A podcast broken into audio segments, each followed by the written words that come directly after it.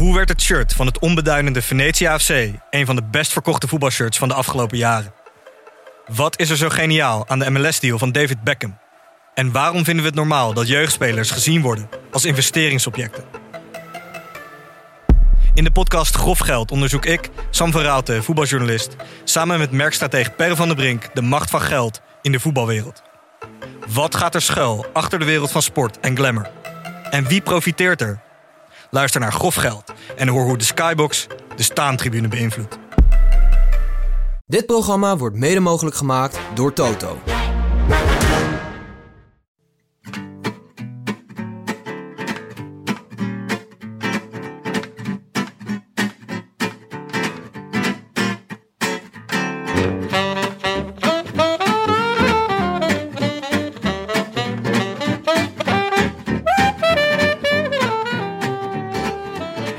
Zondagmiddag 29 december 2019 en live vanuit Fixed Gear Coffee in Valkenburg is dit de Rode Lantaarn, de wielerpodcast van Het is Koers.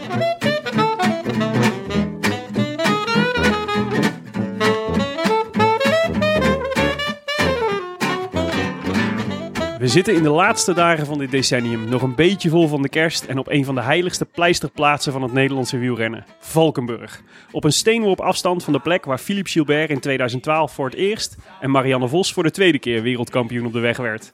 Het is ook de favoriete training ground voor onze gast van vandaag, die op woensdag 1 januari aan zijn 16e profjaar begint. Het vijftiende was, in elk geval qua zegens, zijn meest succesvolle ooit. Er waren zegens in de Team Time Trial, in de UAE Tour en eentje in de Ster ZLM. Hij werd Nederlands kampioen tijdrijden in Ede en wereldkampioen op de Mixed Relay in Yorkshire. En hij topte het seizoen af met een zege in de Chrono des Nations, een dikke tijdrit van 46 kilometer. Kijk, en dan mag je dus gerust even hakken op het podium. Welkom in de show, Jos van Emden. Welkom. Ah, dankjewel. Hoi. Mooie introductie. Ja, hoe is het met je? Uh, nou, nog een beetje spierpijn van al het hakken, maar voor de rest gaat het prima. ja, je had, uh, je had een, vandaag een rustdag, begrepen. Ja. ja. Want drie dagen hard getraind of stevig kerst gevierd? Uh, laten we het maar op stevig getraind houden. Stevig getraind, ja? ja? Wat, nee. doe, wat, wat, wat doet een renner tijdens de feestdagen eigenlijk? Nou, over het algemeen rijd ik naar de familie toe en weer terug. Ja? En, en als het heel mooi gaat, dan rijd ik van de familie naar de familie en dan weer terug naar mijn eigen familie.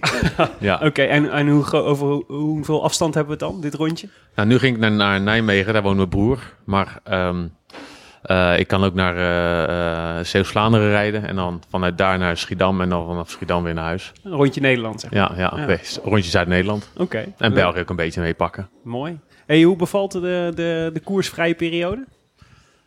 Uh, ja, ook, ook goed hoor. Ja, ja, ja ik, goh, ik, ik, ik, vind het wel fijn dat het niet heel de jaarkoers is hoor. Ja. Uh, dan is het te veel. Want de Chrono des Nations was jouw laatste wedstrijd, denk ik. Dat ja. was uh, eind oktober.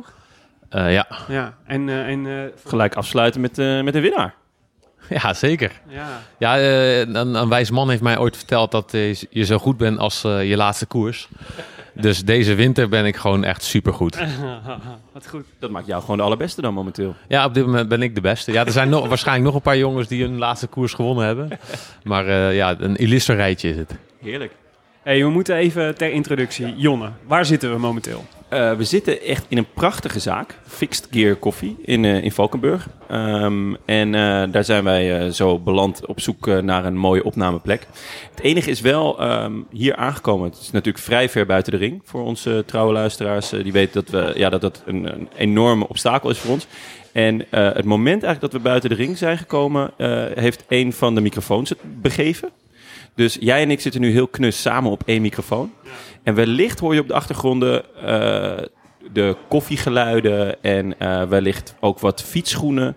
Want er ligt een prachtige houten vloer. Maar uh, ja, dus ook wel af en toe wat, wat fietsgeluiden. Dus voor de luisteraars, ja, excuus daarvoor. Maar dat is, ja, dat is wat het is. Het is wel een mooi tentje dit. Er hangen overal wielenfietsen en shirtjes overal. Er hangt niks van jou, hè Jos? Nee, nee, maar ik werd net al gelijk aangeschoten dat er toch wat van mij moest komen te hangen. Ja? Dus uh, uh, ik ga mijn best doen Waar dat er misschien wat komt. nou, de, de, ik denk nergens aan. maar de eigenaar die wist heel precies waar hij aan dacht. Oh ja?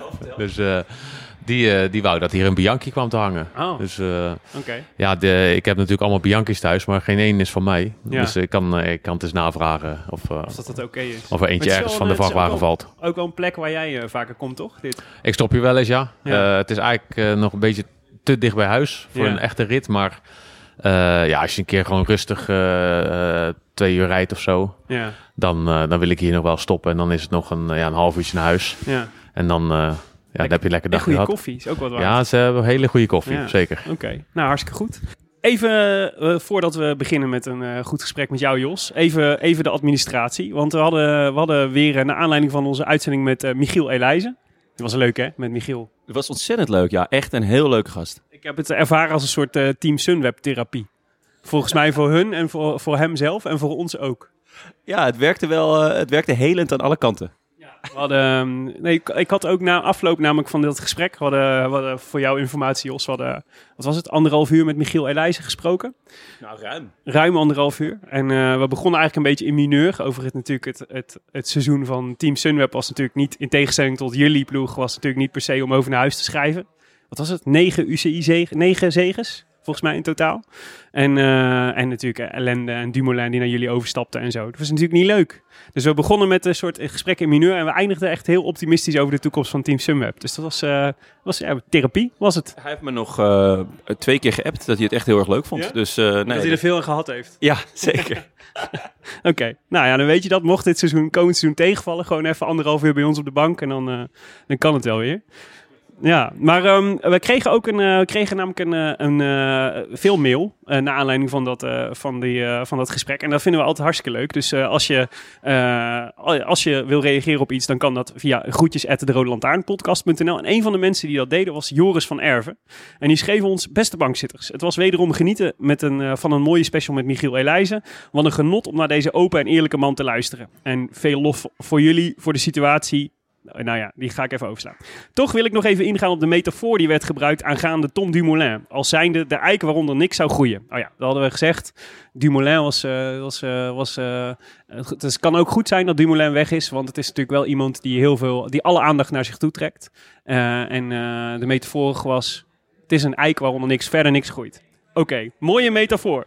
Ja, vond ook Joris van Erven, behalve dat hij niet klopt. Want hij, had, eh, hij, is, eh, hij schrijft, ik had toch liever gezien dat hier niet de eik, maar de beuk de credit zou krijgen. Want de, de beuk is namelijk de bomensoort bij uitstek waaronder door zijn dichte bladerdek niks groeit. Terwijl het bladerdek van de eik juist relatief veel licht doorlaat. Wandel maar eens door het bos en dan ga je het herkennen. Als je het zou vergelijken met het dierenrijk is de beuk dus eigenlijk de leeuw, de koning der bomen. Een en ander is terug te lezen op blakerden.nl. Enige uitzondering, Tony Eijk staat nog altijd hoger aangeschreven dan Ramon Beuk. Klopt. Nou, dankjewel. Joris van Erven, we moeten het dus voortaan hebben over de beuk onder we- welke niks groeit in plaats van de eik. Ja, en hij gaf nog een eh, mooi linkje, www.boslessen.nl. Dus eh, ja, in eh, toch de wielerluwe luwe dagen kan je toch even lekker grasduinen op boslessen.nl. Heerlijk. Ik was, eh, het kwam mij meteen van pas, dit mailtje, want ik was dus bij mijn schoonouders op, eh, in, eh, tijdens de kerstvakantie. En die waren dus van plan om drie beuken te planten in hun tuin. En toen heb ik meteen gezegd, dit moet je dus niet doen als je wil dat hieronder ooit nog iets groeit. Goed hè? ja, Nou. Maar heb je het al een keer nagekeken dan? Want ik kan me niet herinneren dat ik tijdens het mountainbiken een gigantische beuk ben tegengekomen waar niks onder groeit. Nou, dan moet je eens opletten. Ik ga erop letten. Ja, Ja, maar wel een eik, waaronder... ja een eik, zie, ja, die eik wordt toch... eh, ik heb altijd het idee dat je een beuk nog kan knuffelen. Ja, Ah, een eik valt niet te knuffelen, die zijn zo groot. ja dat is waar. Ja, maar, ja, Nou, oké. maar het gaat kenner. dus om het bladerdak van de, van de boom. Dus er moet licht doorheen kunnen. En dat kan dus bij de beuk niet en bij de eik Maar wel. de, de beuk heeft toch maar zulke blaadjes? Ja, eh, Ah, dit- dit... moet je me allemaal niet vragen, Nee, Jos. nee, ik weet nee. het niet. Dit is, meer een, dit is meer een vraag voor Joris van Erven. Joris van Erven. mocht je ooit in zijn podcast belanden? Wel mooi, wel mooi dat jouw referentie van boom is of je hem kan knuffelen of niet. Een beetje prinses Margriet-achtig, toch? Die deed het ook altijd. Ja, zou nou ja, ik, ik zit niet heel goed in mijn prinsessen, nog minder in mijn bomen, maar ik zal eens een keer proberen eentje te knuffelen. Kijken of het nog lukt. En wat eronder groeit. Hey Jos, eh, we zitten aan het einde van 2019. Als jij eens in beeld zou moeten eh, eh, ehm, schetsen van wat 2019 voor jou was. Wat is dan wat is het beeld wat bij jou blijft hangen van dit jaar? Sportief gezien. Ja, in eerste maar sportief gezien. Oeh. Nou ja, eh, wat een lastige vraag weer. Eh, nou ja, dat, de- dat de ploeg zo ontzettend eh, gegroeid is. Ja? En, eh, want eh, je haalde net Sunweb aan met negen overwinningen. Ja. Maar ja, we hebben nog meegemaakt dat we zes overwinningen hadden. Eh, dus dat is nog veel minder. Toen En- jullie nog Jotto Lumbo. ja, Ja. precies, ja. ja te- en toen won ik de eerste wieltoerwedstrijd. Dat was in eh, augustus of zo. Ja. Dat, eh, dus dat was, dat was denk ik nog een dramatischer jaar. Maar eh, ja, dat, dat, dat ik nu in een ploeg rijd met zoveel kampioenen, dat eh, is toch wel mooi. En, Bizarre luxe, hè? ja, Ja. en eh, ik, ik zei als grap toen vorig jaar van ik ben blij dat ik drie jaar heb getekend. Want eh Anders had je eruit anders had gelegen. ik eruit gelegen. Maar ja, ik, ik ben toch wel meegegroeid, moet, moet, ik, moet ik toegeven. Ook word ik natuurlijk al wel wat ouder. Maar Ja. ja. ja, is mijn niveau toch ook nog steeds doorgegroeid. En dat ik elk jaar toch wat, wat toch nog verbeter. Ja, we, hadden, we zaten, ik zei net al in de introductie natuurlijk, dat het je beste jaar, in ieder geval qua eh, overwinningen, tot eh, in je hele profcarrière was eigenlijk. Maar we zaten ter voorbereiding op deze podcast, kijken we natuurlijk altijd op het, eh, op het vermaarde Pro Cycling Stats. En dan kun je ook altijd zo mooi zien hoe de ontwikkeling is geweest van, de, van, je, van je profcarrière. Hoeveel punten je hebt gescoord, zeg maar, op alle wedstrijden in de afgelopen jaren. En dan zie je gewoon, de afgelopen vier jaar waren gewoon jouw beste. Gewoon, je wordt gewoon beter naarmate je ouder wordt. Ja, dus eh, eh, ik vind ook dat ik dan een contract voor het leven moet krijgen. ja, goh, ja, de, ja, ja, dat kan. Maar hoe kwam het... er- Valverde. Ja, ja, zo ja. Ik, dus ik ben ook nog van plan wereldkampioen te worden. Hoe kwam het, hoe kwam het dat, het, eh, dat jouw, eigen, jouw eigen persoonlijke jaar zo succesvol was? Heb je daar een verklaring voor? Ehm, nee, maar ja, kijk, die punten. eh, kijk, ik zie die lijstjes natuurlijk ook wel. Eh, die punten zijn natuurlijk wel een beetje. ehm, als je dan ook kijkt naar in het begin van het jaar, pak ik bijna geen punten. Terwijl Ja. ik eh, daar wel echt eh, eigenlijk een beter niveau had dan in- het deel waar ik punten pak. Ja. Eh, dus ja, kijk, als je, als je, het, het laat niet zien hoe goed je per definitie bent. Hè, Mhm. Maar hoe dat dan komt, weet ik niet. Maar ja, ja goh, ehm, kijk, ik, ik reed ook heel, heel goed bergop mee voor, voor mijn doen. Het, eh, kijk, ik ga richting, richting de 80 kilo en dan hoor je gewoon bij de zwaarste renners van, eh, van het peloton. Eh, maar dan, eh, ehm, omdat we dan zo'n sterke leider hadden als Primos, moest ik ook gewoon tempo maken. En daar kwam ik dit jaar achter dat ik dat ook gewoon kan. Ook al zit er een, een berg in. En je rijdt er niet eh, het halve peloton naar huis. Ja. Maar eh, het is niet dat je, dat je zo traag gaat dat ze gaan aanvallen, zeg maar.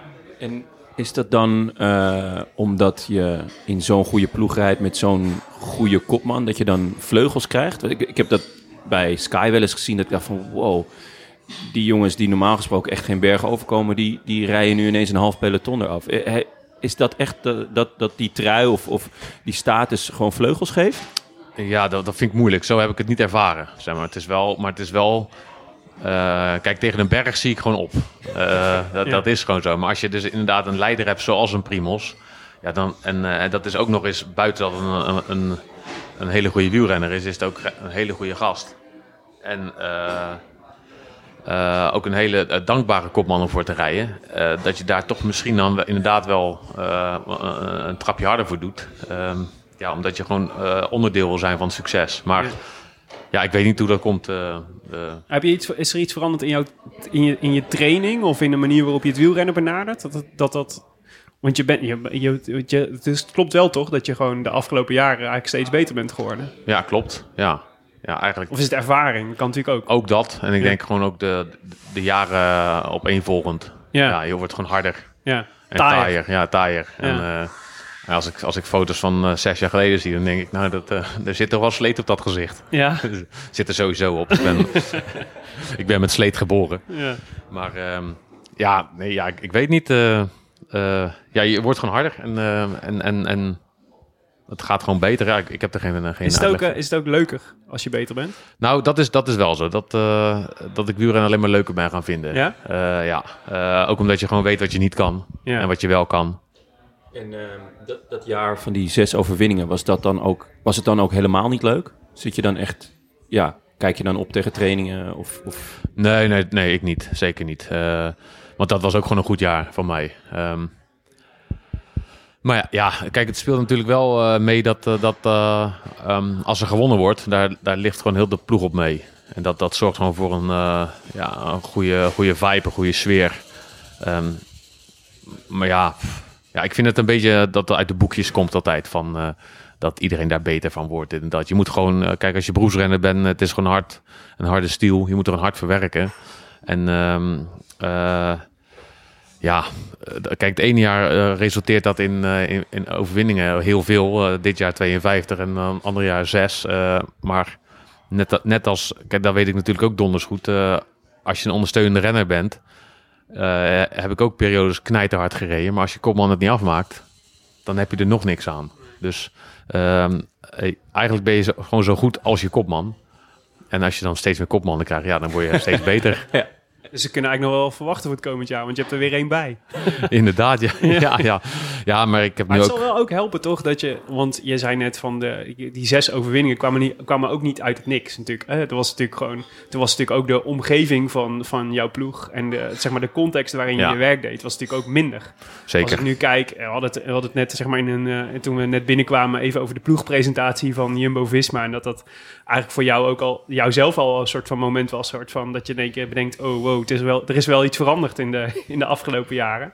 Maar dat zien we natuurlijk ook wel. Dus die ploeg professioneler meer met een idee en inderdaad, eh, het succes trekt succes aan, zo is het natuurlijk ook wel weer. Maar ik kan me ook voorstellen dat dat natuurlijk ook heel erg helpt in jouw eigen ontwikkeling. Dat je in een, in een, in, nu in een ploeg zit waar de, de, de, de winning mood bestaat, goed is. En dat, je, dat er misschien, eh, nou ja, misschien eh, eh, een beter idee zit achter de, de trainingen die je doet. En meer aandacht voor voeding. En weet je, dat je al die Mhm. details, dat die nu veel beter zijn dan dat ze in dat slechte jaar waren misschien.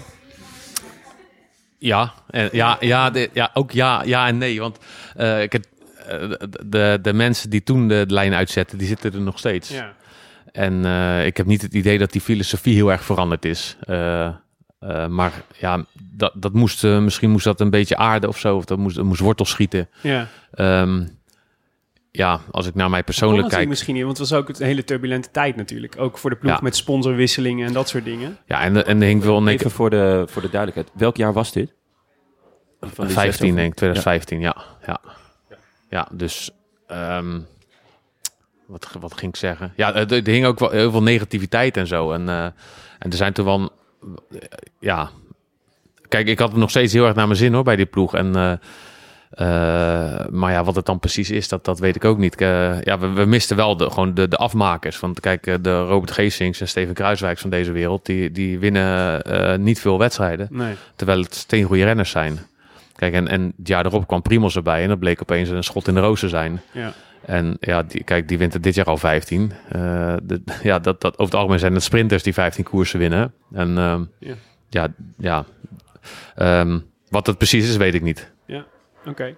Hey, wij doen altijd. eh, eh, ben je een, hou- hou je naast wielrennen nog van andere sporten ook? Ja, ik kijk wel naar sport, ja. Ja. Ja, ik, Wat voor, ding, wat, wat voor dingen eh, bijvoorbeeld? eh, voornamelijk curling. ja, Vind ik super. fantastisch. Ja. ja. Snelste weg naar de Olympische Spelen. ja, precies. Ja.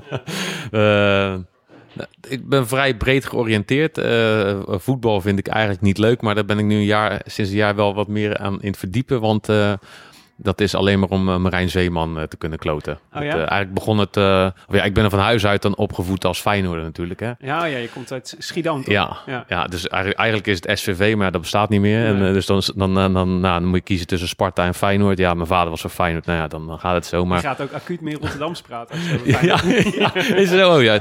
Nou, ik zal een beetje Vlaams klappen.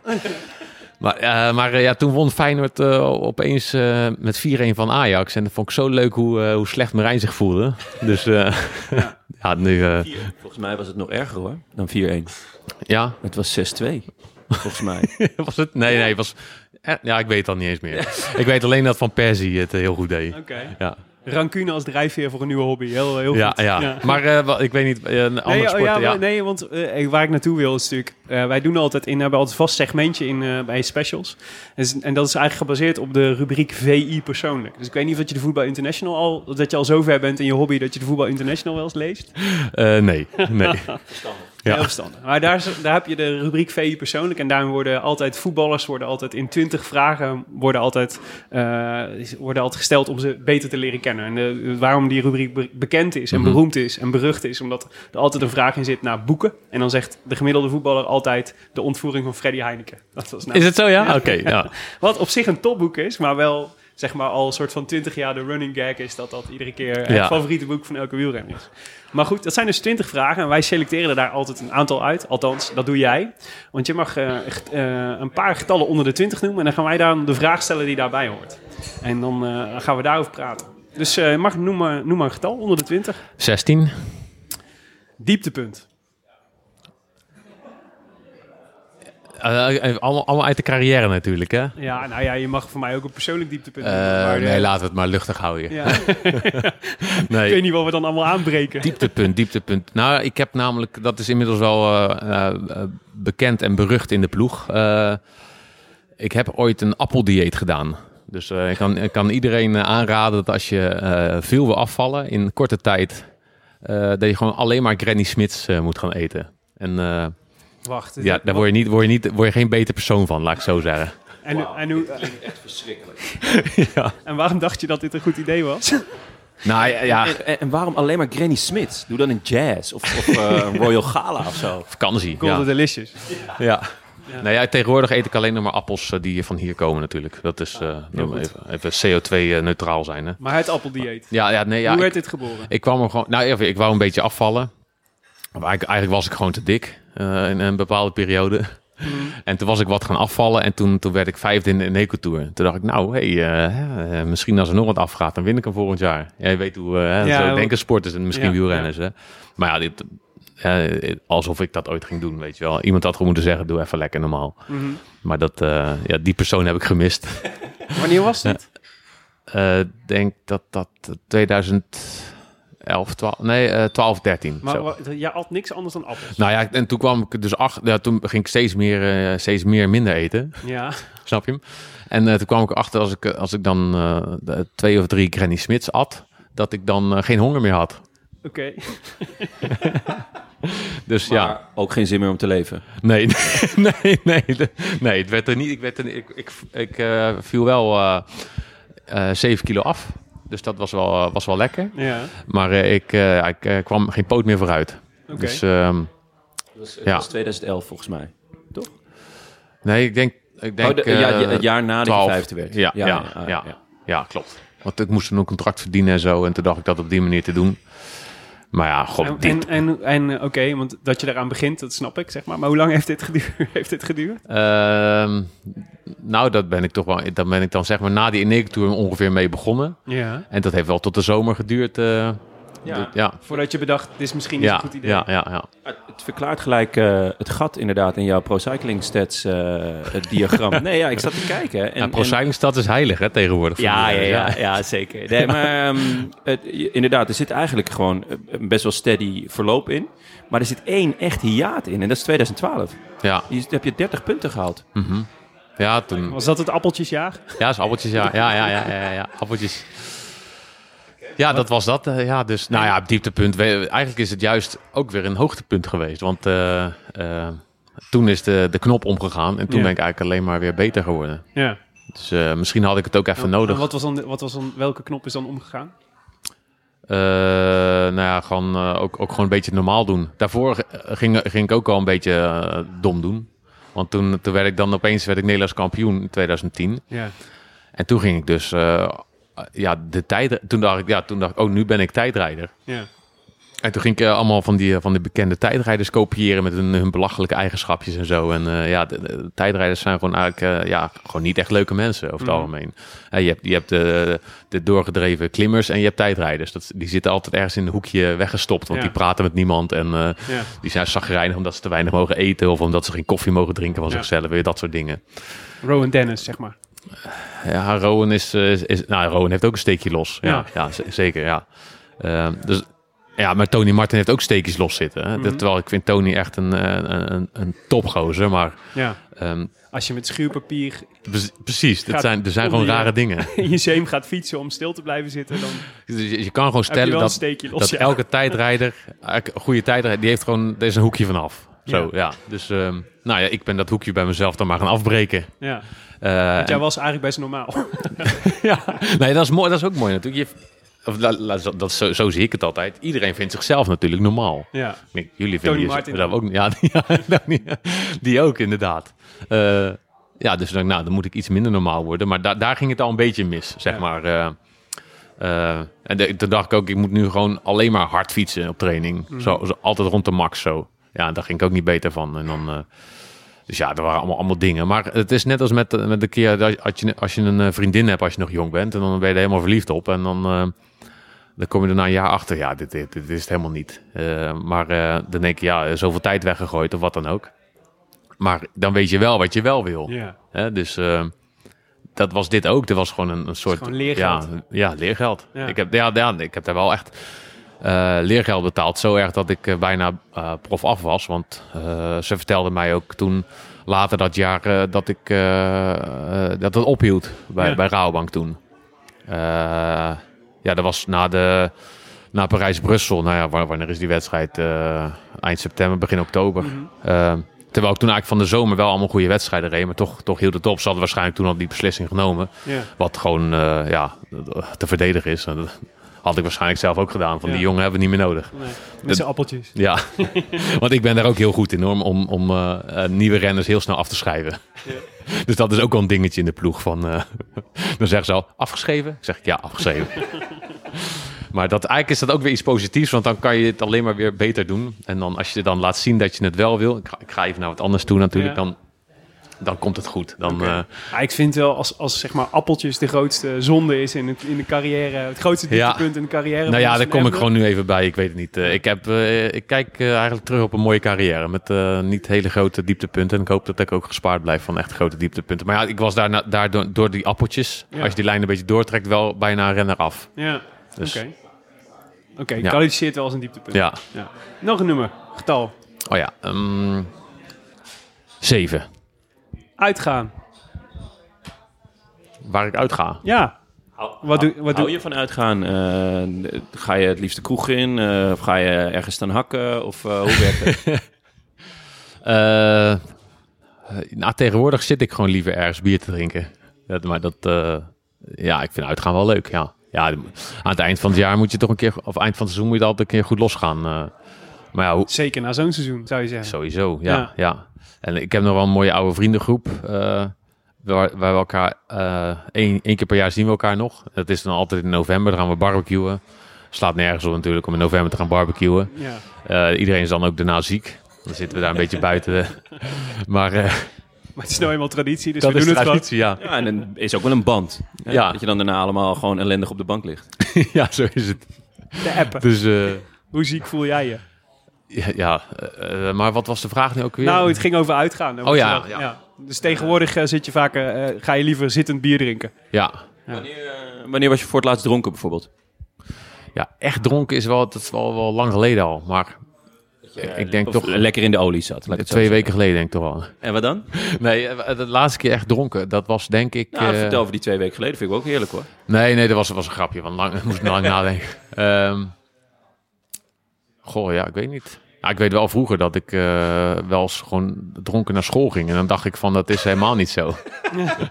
dat, eh, ja, toen ging, ik zat dan op kamers. In, in, eh, in Deventer was ik, zat ik op kamers. En ehm, ja, ik, toen kwam ik er op een gegeven moment achter dat ik, die opleiding was gewoon niks voor mij. Dat, dat, dat was allemaal veel te precies. En, Wat, wat, deed, wat deed je? analytische chemie. Oké. Dus allemaal heel veel cijfers achter de komma. En pff, nee, Ja. ja, dat, eh, ik wou eerst wou ik technisch rechercheur worden. Oké. Dus ja, toen, toen dacht ik, eh, nou dan ga ik naar de politie of zo. Maar dan moest je eerst eh, agent worden. Nou, dat zag ik allemaal niet zitten. Ehm, dus ja, dan ging ik het via die weg doen.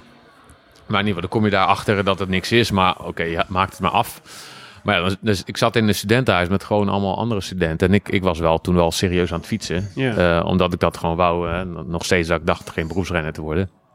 En dan ja, onder de sociale druk ga je dan wel mee naar, eh, naar de Joffer, heet dat. Eh, hun, hun, hun spreuk was ook, het is toffer in de Joffer. Op zich. Goede slogan is. Ja, ja ik, ik ga hem ook nooit Kun je niks vergeten. Nee. En eh, die hadden dan ook op dinsdagavond eh, piekuur. Nou, dat was natuurlijk fantastisch. Oh, dat was nog gulden tijd. Dus misschien kreeg ik wel 1750 gulden, waar we het net over Oh, hadden. ja, ja. Komen we zo nog op terug. Ja. Dus, eh, nou ja, dat, toen ging ik altijd eh, volle bak erin. Maar ik, ik dacht wel van, ik wou natuurlijk zo min mogelijk huiswerk maken. Of, of in ieder geval thuisstudie. Eh, Dus mijn, mijn theorie was, als ik gewoon altijd maar naar school ga, dan hoef ik, hoef ik zo min mogelijk thuis te doen. En dan kan ik gewoon trainen en alles fietsen. Ja, en dan, dan, lag ik gewoon om, om vier uur in mijn nest. Maar dan ging ik gewoon om, om zeven uur er weer uit. En dan fietste ik met een andere, met een klasgenootje erheen. En die, die zei dan nog wel, die zei dan wel eens eh, een dag daarna, ja, je was gisteren echt nog wel dronken. Wat je me allemaal verteld hebt, zei ze. dus eh, ja, dat. The good old days. ja. Ehm, om, om dan een beetje aan te sluiten. Ik, la- ik las een interviewtje in Baalmontes met eh, Kittel. En die had het erover dat, er, dat het tegenwoordig lastig is als, er, als je een koers hebt gewonnen, dat er, of, of als er koers is geweest, dat er ook niet meer een moment voor ontspanning is. Om, om, om wel even los te laten. Ehm, ben je het daarmee eens? Of, of is, zijn die momenten er juist wel geweest afgelopen jaar bij, bij natuurlijk veel feest gevierd, maar is er ook echt feest gevierd? Of? Mm, nee, dat is, dat is wel zo. Daar moet ik hem wel gelijk in geven. Ja, de, ja, dat heb ik ook ooit van een oud man, oude wijze man geleerd. Van er, er is maar één koers belangrijk en dat is de volgende. En dat is, eh, ja, dat, dat is tegenwoordig toch echt wel zo. Dat, dat, ik heb dit jaar een paar keer echt moeten zeggen: nee, we gaan vanavond eh, of een biertje of, of, of champagne drinken als er gewonnen was. Dat, dat, dat het haast normaal werd dat er eh, gewonnen Ja. werd. Eh, want je wilt dan eigenlijk altijd champagne drinken ook als personeel allemaal aan tafel zit. En ja, als het laat wordt, dan, dan, dan eet je gewoon niet gezamenlijk. En de renners zitten altijd eerder aan tafel eigenlijk, maar het personeel komt wat later. En dan wacht je over het algemeen wacht je op het personeel. Maar als dat te lang duurt, dan gaan, gaan, er al, gaan ze al naar boven. En ja, soms moet je dan zeggen van, hé, hey, eh, ja... Hier blijven. Ja, het blijft, het blijft gewoon bijzonder dat we winnen. Ook al eh, heb je op dat moment al 40 gewonnen of zo. Dus ehm, ja, ik heb delen gelezen van het interview. Met, met, met heel veel was ik het echt niet eens. En dan denk ik, ja, eh, dan... Ja, eh, ja, Met, noem eens iets. nou, hij, of ja, ik voelde mij gewoon een beetje eh, persoonlijk eh, aangevallen door hem. Dat hij zegt hij, dat hij ook gestopt is nu omdat hij eh, vader wil zijn voor zijn kind. Ah, da- ja. daarin, daarin lees ik dus gewoon dat elke renner die eh, vader is, een slechte vader is. Mhm. Terwijl volgens mij eh, ja, is dat gewoon een slap excuus, excuus wat hij daar gebruikt. Eh, want ik, ik denk nou niet dat ik een slechte vader ben. Moet je natuurlijk, ik zal zo even naar huis bellen. Maar, ja, maar eh, d- dus ja. ehm, maar, dit is wel, het is, het is wel een trein die maar door en door en door gaat. En dat eigenlijk pas eh, aan het eind van het jaar kan je pas gaan genieten. Ja. Eh, En, is, en dit is ook iets dus waarvan jij zegt, het is wel de afgelopen jaren erger geworden. Ja, zeker. Ja, de, de, de jaren dat ik beroepsrenner ben, is dat zeker, eh, zeker veranderd. Kijk, er wordt overal ook gezegd dat er en harder gereden wordt en dit en Ja. dat. Dat komt natuurlijk ook daardoor. Dat, Ja. Het is gewoon serieuzer. het wordt allemaal steeds topsport. serieuzer. Ja, ja, Ja. ja, ja. ja. Ja, het is echt, ja, echt topsport. Was natuurlijk altijd wel zo. Je, je wordt, je- een krabber wordt niet opeens een... eh, Mhm. Of een lantafanter wordt niet opeens beroepswielrenner. Ja. Eh, voetballers natuurlijk wel. Ja. Dus, maar ja, het, is wel zo. Je, het gaat allemaal maar door en door en door. Want als je de... jullie hebben Mike er ook gehad. Ja, had hij toen de rit al gewonnen? In de Tour? Nee. Nee, ja. Nee. Nou ja, ja, volgens mij heeft hij daar niet echt... Want er zijn nog twintig ritten daarna. Ja. Eh, en dan pas kan je misschien een keer een beetje gaan, gaan feesten. De- Ja. En dan ben je alweer drie weken verder. Ja. Weet je wel? Dus ehm, ja, dat, dat is wel... Hij heeft daar niet echt van kunnen genieten, wil je zeggen. Dat hij, eh, dat, dat denk ik, ja. Ja. Maar dat weet ik niet. Hè. Dat- misschien zat voor hem, denk ik, het, denk het genieten in rondrijden met de gele trui natuurlijk. Dat was Tuurlijk, ja, natuurlijk ja. Maar ook, ook daarin denk ik dat je, daar, dat je daar pas echt van geniet na afloop. Dat Ja. je als je foto's ziet of beelden, verdomme, ik had daar de gele trui aan. wel. Ja. Behalve, behalve Graham Thomas natuurlijk, die gewoon een half jaar lang alleen maar bier en hamburgers gaan eten, toch? ja, dat was Volgens wel. mij. Maar ja. Dat vind ik ook wel hoe je een tourzege viert. ja, zeker. En hij is gewoon teruggekomen. Hij werd gewoon weer tweede. Dus eh, ja. nee, eh, inderdaad, chapeau. Ja, ik vond het interessant wat jij eh, wat je eerder zei over, ehm, eh, ook eh, toen we elkaar net spraken, over, want het ging nu natuurlijk over de verandering in de wielersport en echt, het is professioneler geworden. Jij zei ook, het is veel meer een trainingssport geworden dan een wedstrijdsport. Kun je, dat, kun je dat eens uitleggen, hoe, dat zit? Ja, nou, ehm, ik, eh, het, Pro Cycling Stads kan daar ook weer mee helpen. Maar ik geloof dat ik in de eerste eh, jaren dat ik beroepsrenner was, eh, een kleine 100 eh, koersdagen had. 96 of, of iets. Als jij nu de, ja, de echte kleppers hebt, die hebben denk ik 50 of 60 koersdagen. Ja. dat, dat, is een partij minder. Ja, En ehm, eh, ja, als je nu kijkt naar Primos dit jaar. Ik deed dan eigenlijk het, tot aan de Vuelta deed ik alles met Primos een beetje. ja, Ehm, ja, die, die gaat gewoon eh, met ons mee op stage allemaal. En als, als de rest begint met koersen, dan gaat hij voor het eerst op hoogtestage. Ja. En dan eh, na zijn eerste hoogtestage rijdt hij eh, de UAE Tour Mhm. en Tirreno. En dan zit zijn voorjaar er dus al op. Dat zijn twee koersen. Ja. Dus dat is zes dagen en vijf dagen of zes. Dus dat Ja. zijn twaalf. En daarna gaat hij opnieuw op hoogte in voorbereiding op de Giro. Dan rij je, rijdt hij voor de Giro nog de Ronde van Romandie en de Giro. En dan, dan houdt het weer op. Maar dat is kennelijk wat dan nodig is om nu nog zo goed te zijn dat je koers Ja. kunt winnen. En, Ja. en wel grappig dat je het zegt, want ik vond dus het heel raar dat die Romandie reed. Ik dacht, oeh, waarom zou je dat nou doen? Terwijl vroeger was dat dus blijkbaar veel normaler om gewoon heel veel meer koersdagen te pakken. Ja, dat, eh, ja, dan koers je gewoon. En ehm, je ging van, van koers naar koers. En ik moet zeggen dat ik dat zelf nog steeds het fijnst vind hoor. Ik, koer, ik koers gewoon graag. Eh, dus, eh, dat, gelukkig weet de ploeg dat ook, dat ik, dat ik liever koers dan dat ik train. Eh, maar ja, het, het verandert wel. Eh, maar het verandert ook. Dat, dat, ehm, het, het verandert ook de, de personen, ik zeg, de karakters die, die nu proef, eh, profwielrenner worden. Dat is anders dan, dan 10, 20 jaar geleden. Daar ben ik van Ja. overtuigd. Dat, dat zijn, ehm, je, je moet nu echt autistische trekjes hebben om, om, om ver te komen. Als ik zie hoe de jeugd nu fietst, eh, hoe die nu bezig zijn met de sport, Ja. dat, eh, dat is niet te vergelijken. Misschien zegt de generatie je voor met, mij dat met ook over autistisch mij. bedoel je dan monomaan, zeg maar, bezig zijn met Ja, ja, en dat, dat, trainingsschema's, voeding. Eigenlijk al leven Ja. als een topsporter vanaf dat je 12 bent. en dat er veel minder plezier van afstraalt. ja. Dat, dat vind ik echt. eh, ik- als ik kijk naar mezelf en als ik dat nou ook hoor van andere jongens van mijn leeftijd, die gingen vroeger gewoon met, met een stel vriendjes uit het dorp of uit de regio fietsen. Eh, je ging fietsen hè, en dan trak je een keer een sprintje ergens of je reed elkaar de bosjes in of, of, of dat soort dingen. Ja?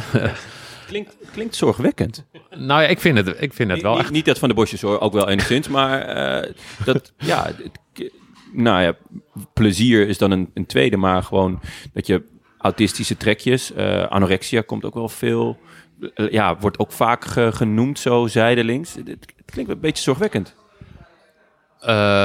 Nou, ja, zorgwekkend weet ik niet. Maar het is, eh, ja, anorexia heb ik nooit meegemaakt, dus dat, dat weet ik niet. Eh, eh, de, de, laat ik zeggen, de... Verder dan appeltjes ben je niet gekomen. Nee.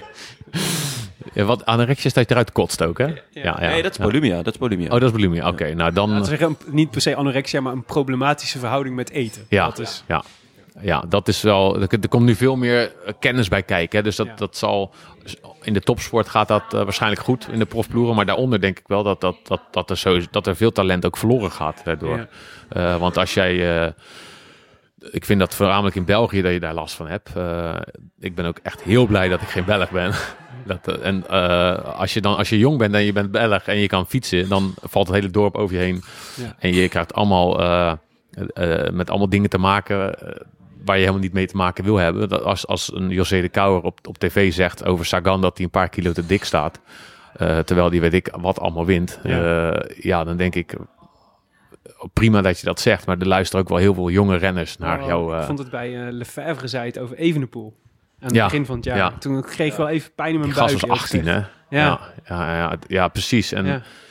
Eh, ik vind, ja, kijk, als je beroepsrenner bent, moet je daarmee bezig zijn. Dat, dat is gewoon zo. Maar ehm, het gaat voor mij voornamelijk erom dat, dat er heel veel jonge jongens kijken naar die tv-uitzendingen. Eh, en die denken dan ook misschien ik moet afvallen, maar dat soort dingen. Maar het is, het is een veel groter iets. Hè? Het is, het is even moeilijk nu te. Nou, ik te vond, ik vond wel de Roy Curvers in de, in, eh, in de show. En dan volgens mij vorig jaar. En eh, wat ik interessant vond, wat hij eigenlijk vertelde, was... Zei, ja, in, eh, als ik, eh, als ik eh, eh, nu was geboren of nu, een, eh, een, eh, nu de stap naar de profs had moeten maken... dan was het me niet gelukt. Want dan hadden ze me, dan hadden ze me nooit geselecteerd om prof te worden. Nou, dat zeg ik ook exact, ja. Ja? Ja. Want, het is, want de, de, het is ook veel eenzijdiger geworden, lijkt het, zeg maar, waar profrenners op geselecteerd worden. Ja. Zeg maar de wattages die je kan trappen. Wat per kilogram. Ja. Ja. En als dat niet klopt... Gezelligheid telt niet meer mee.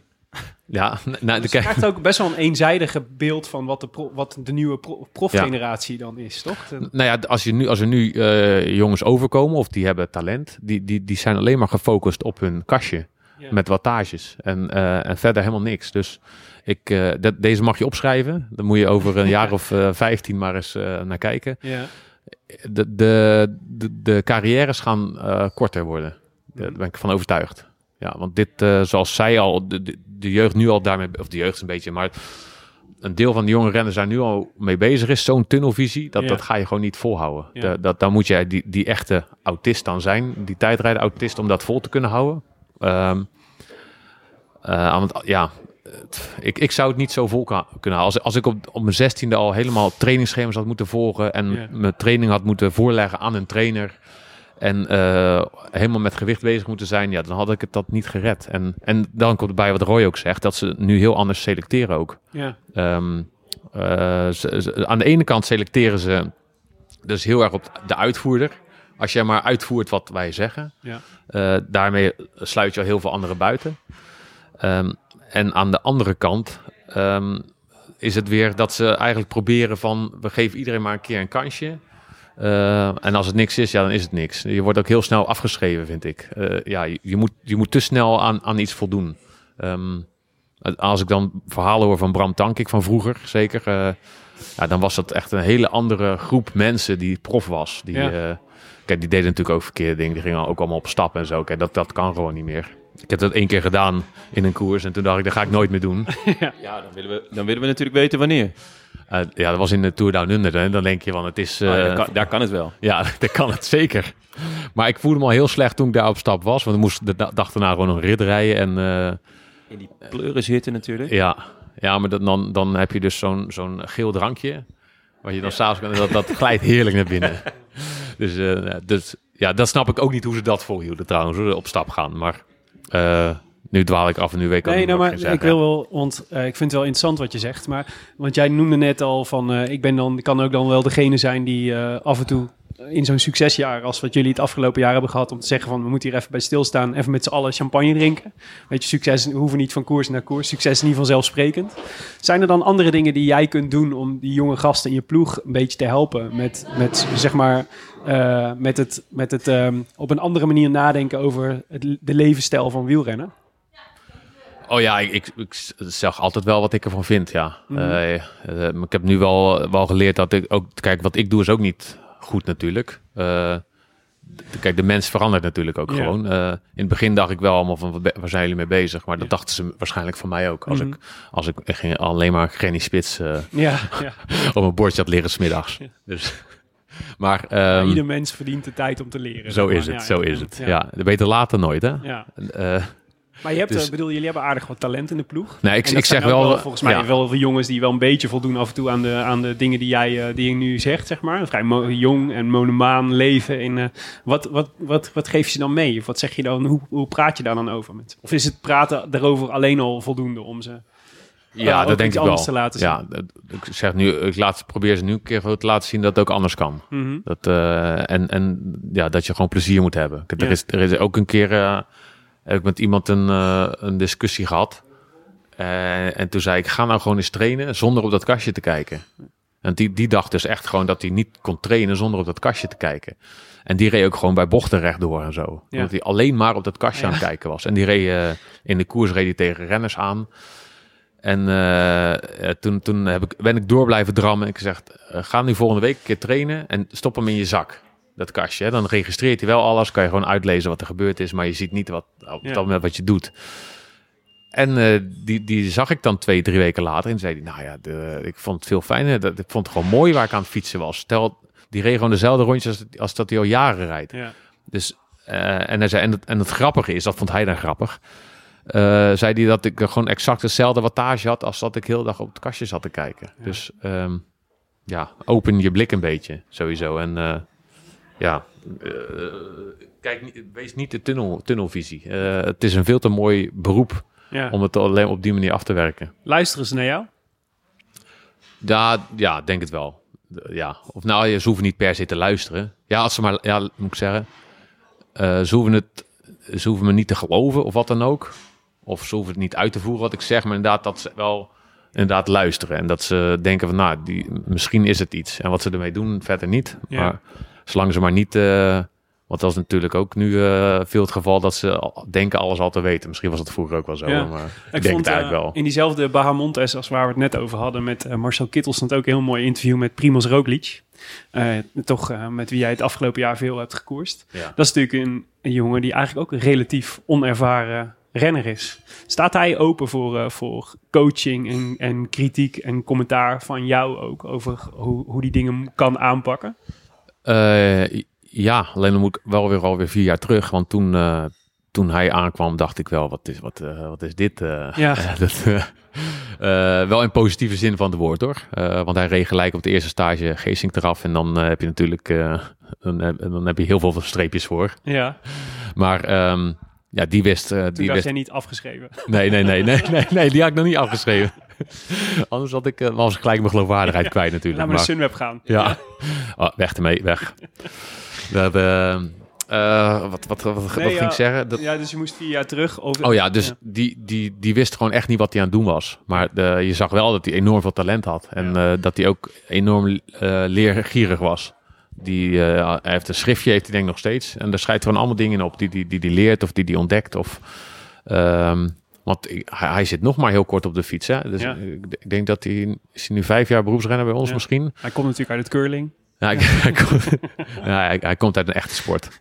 Het, eh, eh, dus, dus ja, die... eh, oh ja, dat wil ik dat eerste jaar kon je hem nog wat dingen vertellen. Maar ehm, hij, hij, is, hij is de snelste leerling die ik ooit heb gezien Mhm. in, in het wielrennen. En daarna kon je hem eigenlijk bijna niks meer bijbrengen. Ja. Ehm, ja, die, die, en dat maakt hem ook Het is weer gewoon zo omdat goed. je hem, als je hem één keer iets vertelt, dan onthoudt hij het gewoon.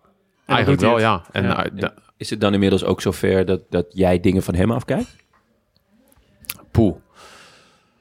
Ehm, nou ja, toch wel. eh, ook een bepaalde zekerheid ook wel. Dat is natuurlijk wel een andere, in iets andere iets, maar eh, hij doet wel gewoon zijn ding, zeg maar. En eh, eh, hij houdt ook wel een beetje van het mentale oorlog voeren. En dat is natuurlijk ook wel, eh, ja, dat hoort er ook gewoon bij. Mhm. Kan je, daar, kan je daar een voorbeeld van geven? Hij doet zijn dingen, mentaal eh, oorlog voeren. Wat, wat, wat houdt het precies in? Ja, een beetje dingetjes zeggen, maar ook, ook de. Hij voert dus ook oorlog door eh, heel vriendelijk te zijn tegen iedereen. Dat, dat, dat zie je misschien niet als, maar dat is zeker een strategie. Is Ja, strategisch heel ja, slim, ja, toch? ja. En dat, dat, Waarom zou je vijanden maken als je later nog nodig hebt? Ja. dat, zou je, dat kan je heel goed tegen mij zeggen, inderdaad. Ja. Het, eh, eh, ja, ik ben daar niet zo heel goed in, zeg Nee? maar. Dus dat kan ik wel van hem, van hem leren. Van, Ja. eh, eh, wees gewoon eh, vriendelijk tegen Ja, iedereen. ik vond dat tijdens afgelopen Vuelta vond dat echt heel slim van hem. ja. Met, eh met Pogacar en zo, weet je wel. Een we- etappetje laten winnen. Een soort voortdurend respect naar al naar Ja, en zo. Ja, Maar Ja. ik lees nu een beetje tussen de lijntjes door van, dat je zelf nog wel eens ruzie hebt in het peloton. ja, ik wil nog wel eens ruzie hebben, ja. Maar dat Heb je dat niet gehoord van anderen? Je, had je ingelezen, toch? Ik heb me zeker ingelezen, maar eigenlijk iedereen die wij spreken in de podcast is veel vrienden van de show. Die. Daar ben je echt razend populair. Nee, maar het is me echt opgevallen. Je bent geliefd. Eh Elijse zei het volgens mij nog. eh, van, heb je nog vrienden in het peloton? Ja, Jos van Emden. En, en zo zijn er nog een paar waarvan ik dacht, ja, eh, allemaal, overal wordt jouw naam genoemd. Maar dat is dus, je hebt, je hebt duidelijk kan vrienden. ook iets zeggen over onze vrienden. Ja, ja nee. Je nee maar, net, de- net de mensen gesproken die een goed ja, maar je, over je hebt dus ook veel vijanden. Nou, ik, ik wil... Nee, nee, vijand... Of ru- ruzies. Eh, ja, ik maak wel eh, eh, menig ruzie. Eh, ja, ik maak wel vaak ruzie. Ja, No- no- noem er eens een, een, een leuke ruzie. Poeh, ja, poeh, dat, ja een leuke Maar waar ruzie. gaan, waar, gaan die, waar gaan ze over? Nou dat ja, is dat, misschien precies, dat, eh, ehm, ik, ik maak zelden ruzie voor mezelf eigenlijk. Ik maak Mhm. altijd ruzie voor, eh, ja, voor, voor een ploeggenoot of wat dan ook. Eh, het, het gaat vaak over hoe, hoe, ze, hoe een andere renner doet tegen een ploeggenoot van mij of zo. Of, of als iemand eh, rare dingen uithaalt. Gewoon algemene veiligheid, dat soort dingen. En dan, dan ben ik nogal direct, waardoor dat weer een, een reactie uitlokt en dan heb je ruzie. Ja. Zo, zo gaat dat dus. ehm, eh, en dan kom je weer terug bij dat verhaal van vroeger met de juffrouw. Een beetje de, het onrecht Bij het gebeuren. anger management. Ja, ja, ja.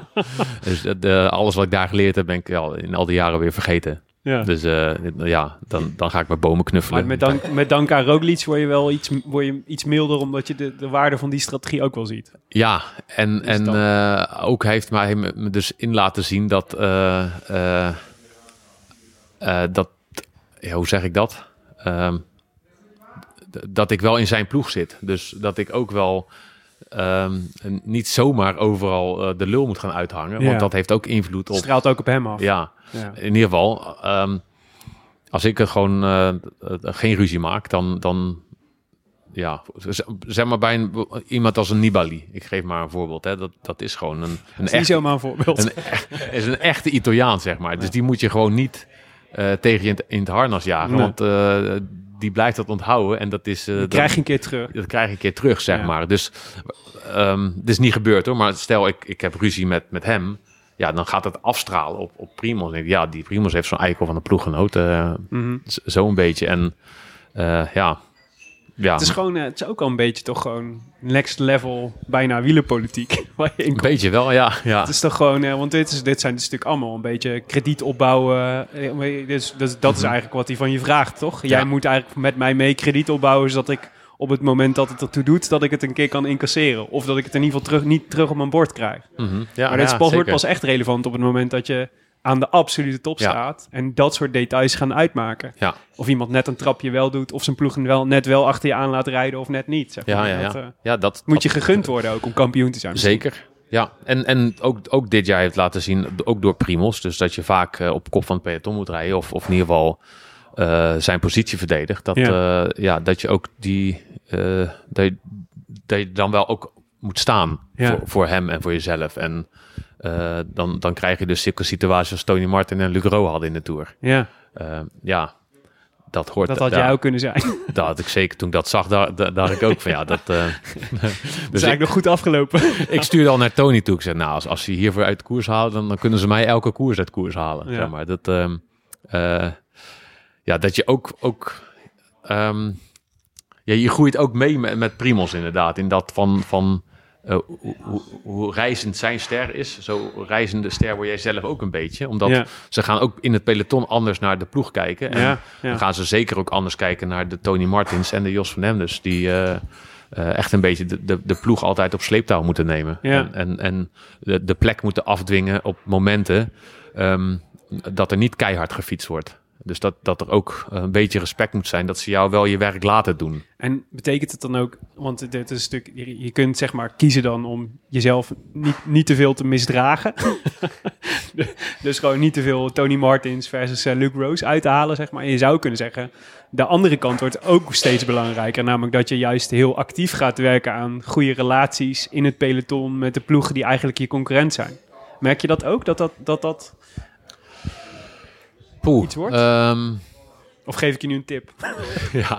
nou, je merkt wel dat je, dat je, dat je meer met renners optrekt eh, die dezelfde rol vervullen als jij Ja? bij een andere ploeg. Ja. Eh, dat, voorheen ging je daar misschien de, de echte confrontatie mee aan. En nu eh, ja, zoek je elkaar toch op van we, weet, ja, we gaan allebei hetzelfde werk doen Ja. binnen nu en zoveel kilometer. Of, of wij gaan in de finale eh, allebei moeten zorgen dat onze kopman eh, heel huis door die finale komt. Ja.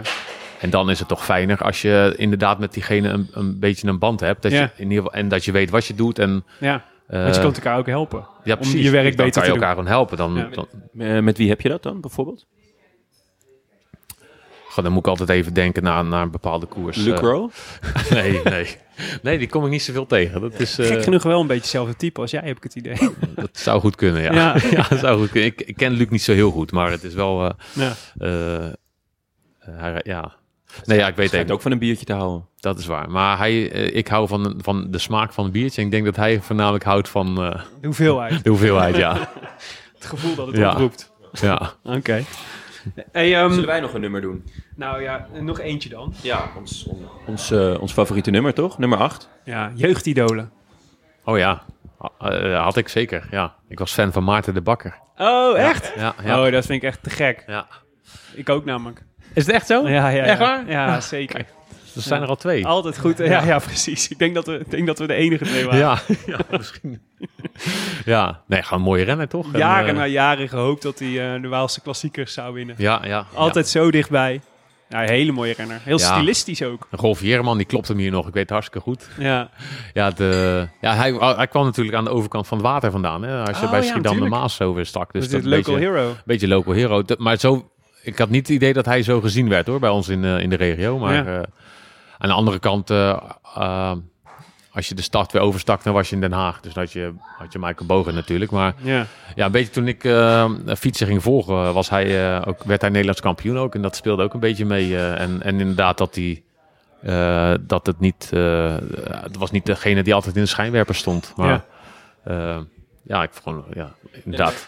Was het dan echt eh posters boven je bed of eh, ging het niet zo ver? Eh, nee, ik had, wel, ik had wel een poster van eh, Michael Bogert. Maar dat was omdat hij in de wielerrevue eh, stond, die, die poster. Die was toevallig beschikbaar. Ja, Met, met ontbloot bovenlijf ook? Of, eh? nee, nee. Wel op een tijdritfiets, dat wel. Dat ik niet. hij, hij hangt nog steeds op mijn kamer. De, de- ja, de- of op mijn, ou- mijn, mijn, bij mijn ouders dan. Hè? Oh ja, ja, ja. precies. Ja, de, ook in een, eh, zeg. blauwe trui. Ja, heel raar. Dat- Toen mocht je nog je rode blauwe trui aan, ook in een tijdrit, als je geen kampioen was. Oh ja. eh, ja. Dus, ehm, eh, wat was... eh, ja, ja, dus... dus ehm, Ja, ja, Maarten hij de was, Bakker hadden we ja, hij was de... Daar was ik fan van, ja. Ja, Mooi hè? De- dat, dat, en daar ging ik ook een beetje mee op school. eh, Want ja, je hebt dan, eh, hoe oud ben je? Je zit op middelbare school en dan heeft iedereen wel een beetje een idool van iets, weet je wel. Ja. En Of, en die hebben dan een, een wat is het, zo'n multomap of, of, of schrift of etuis Agenda. met eh, agenda inderdaad. Dat was agenda's, ja. ja. Jammer, je had geen Maarten en Bakker agenda. Nee, die stond nee, precies. Maar die hadden dat, eh, ik noem wat Jari Liedman of zo, of iets. eh. Ja. En dat je dan toch een ajax noemt. Ja, nee, oké. eh, ik, die vond ik ook, ik vond eh, Ruud Heus vond ik fantastisch. Ken je hem nog? Dat vind ik wel echt fascinerend. Mooie, mooie linker. Ja, mooie ja. linker. ja, en Ulrich van Gobbel. Die, eh, Ruud je- Heus vind ik wel echt een Ja. verrassende niche die je daar kiest. Gewoon een harde werker. Maar in ieder geval, die, die, daar had je natuurlijk geen agenda's van. Maar eh, ja, die hadden dan een agendaatje met een, met een idool erop of een voetbalclub. En dan had ik zo'n zo'n ja, dat- zo'n schilderstaperol gekocht. En daar wikkelde ik dan heel mijn multimap mee in. Zodat dat er niks meer op stond van Ja. wat erop stond. En dan ging daar voor de lol schreef ik dan op Maarten de Bakker en Michael Bogert. Dat is echt waar. Ja? Ja. Goed. ja, gewoon om een beetje, een beetje anders te zijn. Heb, je, ja. heb je hem later wel eens ontmoet, Maarten de. Bakker? En viel, Eh. viel het mee of tegen het echt? Nee, eh, dat, dat, dat eh, echt een, eh, een goede kerel, ja. Ja. ja. Die kan je ook een keer in de podcast zetten. Ja. Ja. Ja, is- ik zag hem toevallig nog eh, bij het uh, Wielergala in eh, oktober. Of het november, ik weet ja. En eh, ja, dus toen zei hij dat hij ook een beetje fan van mij was. Ja? Jij kan zo hard Oh, fietsen, wat- zei hij. Dus dat vond ik natuurlijk eh, helemaal fantastisch. Ja, Ja, dat is te gek. ja. Maar het is denk ik ook wel apart, toch? Ik bedoel, dat is dan op een gegeven moment bereik je, ben je prof en ook al een aantal, eh, een aardig aantal jaar. Maar er zijn dus ook eh, jongetjes en meisjes fan van Jos van Emden. ja. ja. Daar kan je moeilijk wat bij voorstellen, hè? Nou ja, weet ik Of niet. ja, ik, ik, ik niet in ieder geval. Eh, Ja. ja. Ja, Eh, ja, het zou wel leuk zijn natuurlijk. Dat Ja. Sowieso als je, als je een inspiratie kan zijn voor, eh, eh, voor, voor kleine mannetjes of, of, of meisjes, dan is dat natuurlijk hartstikke leuk. Ja. Omdat je weet dat je zelf ook een, een eh, idool had. Ja, En wat dat toch met je doet een beetje, ja. ja, mooi hoor. Heel bijzonder. Ja, Hey, ehm, Ja, ja nee, ja. er zijn waarschijnlijk gewoon mensen die eh, hun multicarrière nu ook... eh, Jos van Hem, dus super groot erop. heb je, ja, nu heb je- misschien een digitale... mocht, er, mocht er iemand zijn die een voorbeeld heeft van een Jos van Emden agenda, dan krijgen we die graag in een mail. Ja. Hey, we hadden het net al eventjes over, eh, over de, de transformatie van de ploeg in de afgelopen jaren. Jij bent echt, eh jij bent echt eh, inboedel van eh, Rabo eigenlijk, hè? En eh, Jumbo-Visma. Ja, nooit, nooit ergens anders gereden in, eh, in al die jaren. Nee, klopt. Nooit overwogen ook om een uitstapje te maken naar een andere ploeg? Jawel, ja, want er is ook een jaar geweest dat ik eh, echt ontevreden was bij de ploeg. Ja. Ja. En ehm, eh, ik weet niet echt meer welk jaar dat was.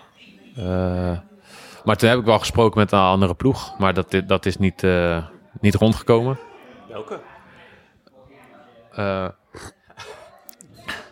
Eh, ik, heb, ik heb toen een tijd nog met, met Argos gesproken. Oh ja. En, eh, en ook, ook nog met Trek.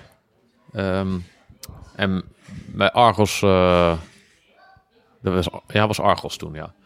Ehm, dat was het jaar dat ik eigenlijk weg moest bij, bij Rabobank. Oh ja, ja. En, ehm, dus nou, toen hadden ze mij verteld dat ik weg moest. Diezelfde week, of ja, de week erop kon ik dan met, met Argos praten of, of met Rudy Kemna. En, eh, en de week daarna toen, of nee, de dag daarna toen was het toch weer dat ik kon blijven bij Rabobank. Maar toen, ik wou toen eigenlijk wel weg. Want Ja. ja, als ze zeggen dat je weg moet, dan... Het is niet echt een eh, Nee, motie van vertrouwen. nee klopt. maar. Eh, maar toch is dat toen, toen niks geworden. Dat, Ja. ja, een beetje, ja, een beetje raar verhaal. Ja. Ja, de, laat, ik zo, laat ik zo zeggen, ze, ze hebben ze wel afgedaan bij mij daar toen. Ja? Ja, ja. Ik zat niet te veel. Je voelt, je een beetje politiek je voelt je correct gewoon een beetje genaaid. Ja, nee, ik, heb, ik zei gewoon letterlijk dat ik naar ze toe wou. Ja. Eh, en ehm, eh, alleen toen, toen zij wouden ook mij hebben, maar ze wouden toen geen contract geven, omdat ik toch weer bij Rabobank eh, dat Rabank ook een aan- aanbod deed. Ja. En, en toen, ja, een heel, heel raar politiek spel wat zij speelden. Ja. Ik snap het nog steeds niet. Dus ik, ik heb letterlijk gezegd, ik wil naar jullie toe.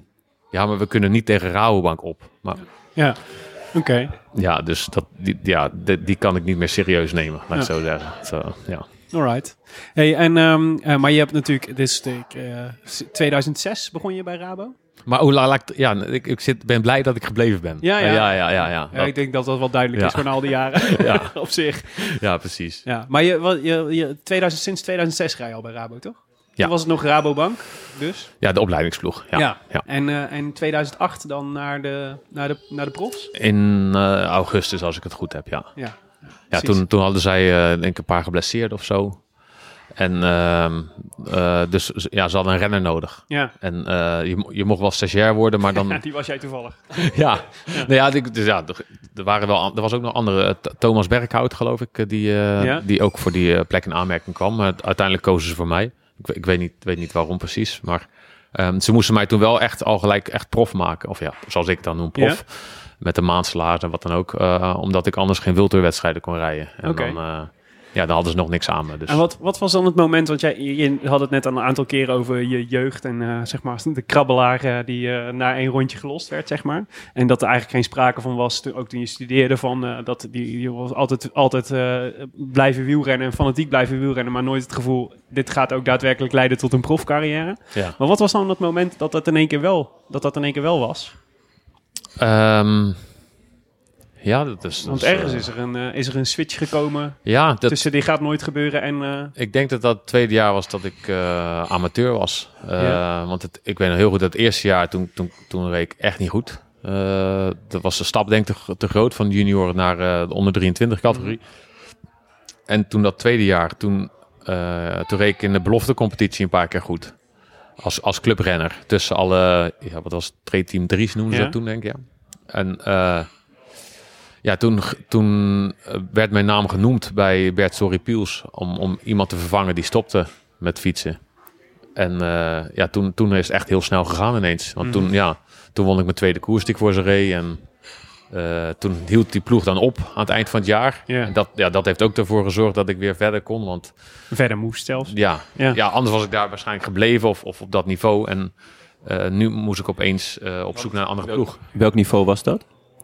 Ja, de ja, Trade Team 3 dan, hè. De, Oh, ja. de, de, maar ja, dat was... eh, Maar dan kreeg je, daar, dat was de plek waar je 17,50 Ja. per overwinning kreeg. Nee, per nee, koers. per, per koers. Oké. Ja, per koers, en wat kreeg je dan voor een overwinning? Geen idee. idee. Ja, dat is wel een goeie. Eh, er was wel een, een, een premiestelsel, ja. Dus. Dat, maar dat, dat zal niet heel veel geweest zijn. Want je voelde je daar nog geen prof. Dat was nee, nee wel, zeker eh, niet. Nee, amateurs. nee, nee. nee. De, dat, eh, aan het eind van... Ja, die ploeg stopte ook.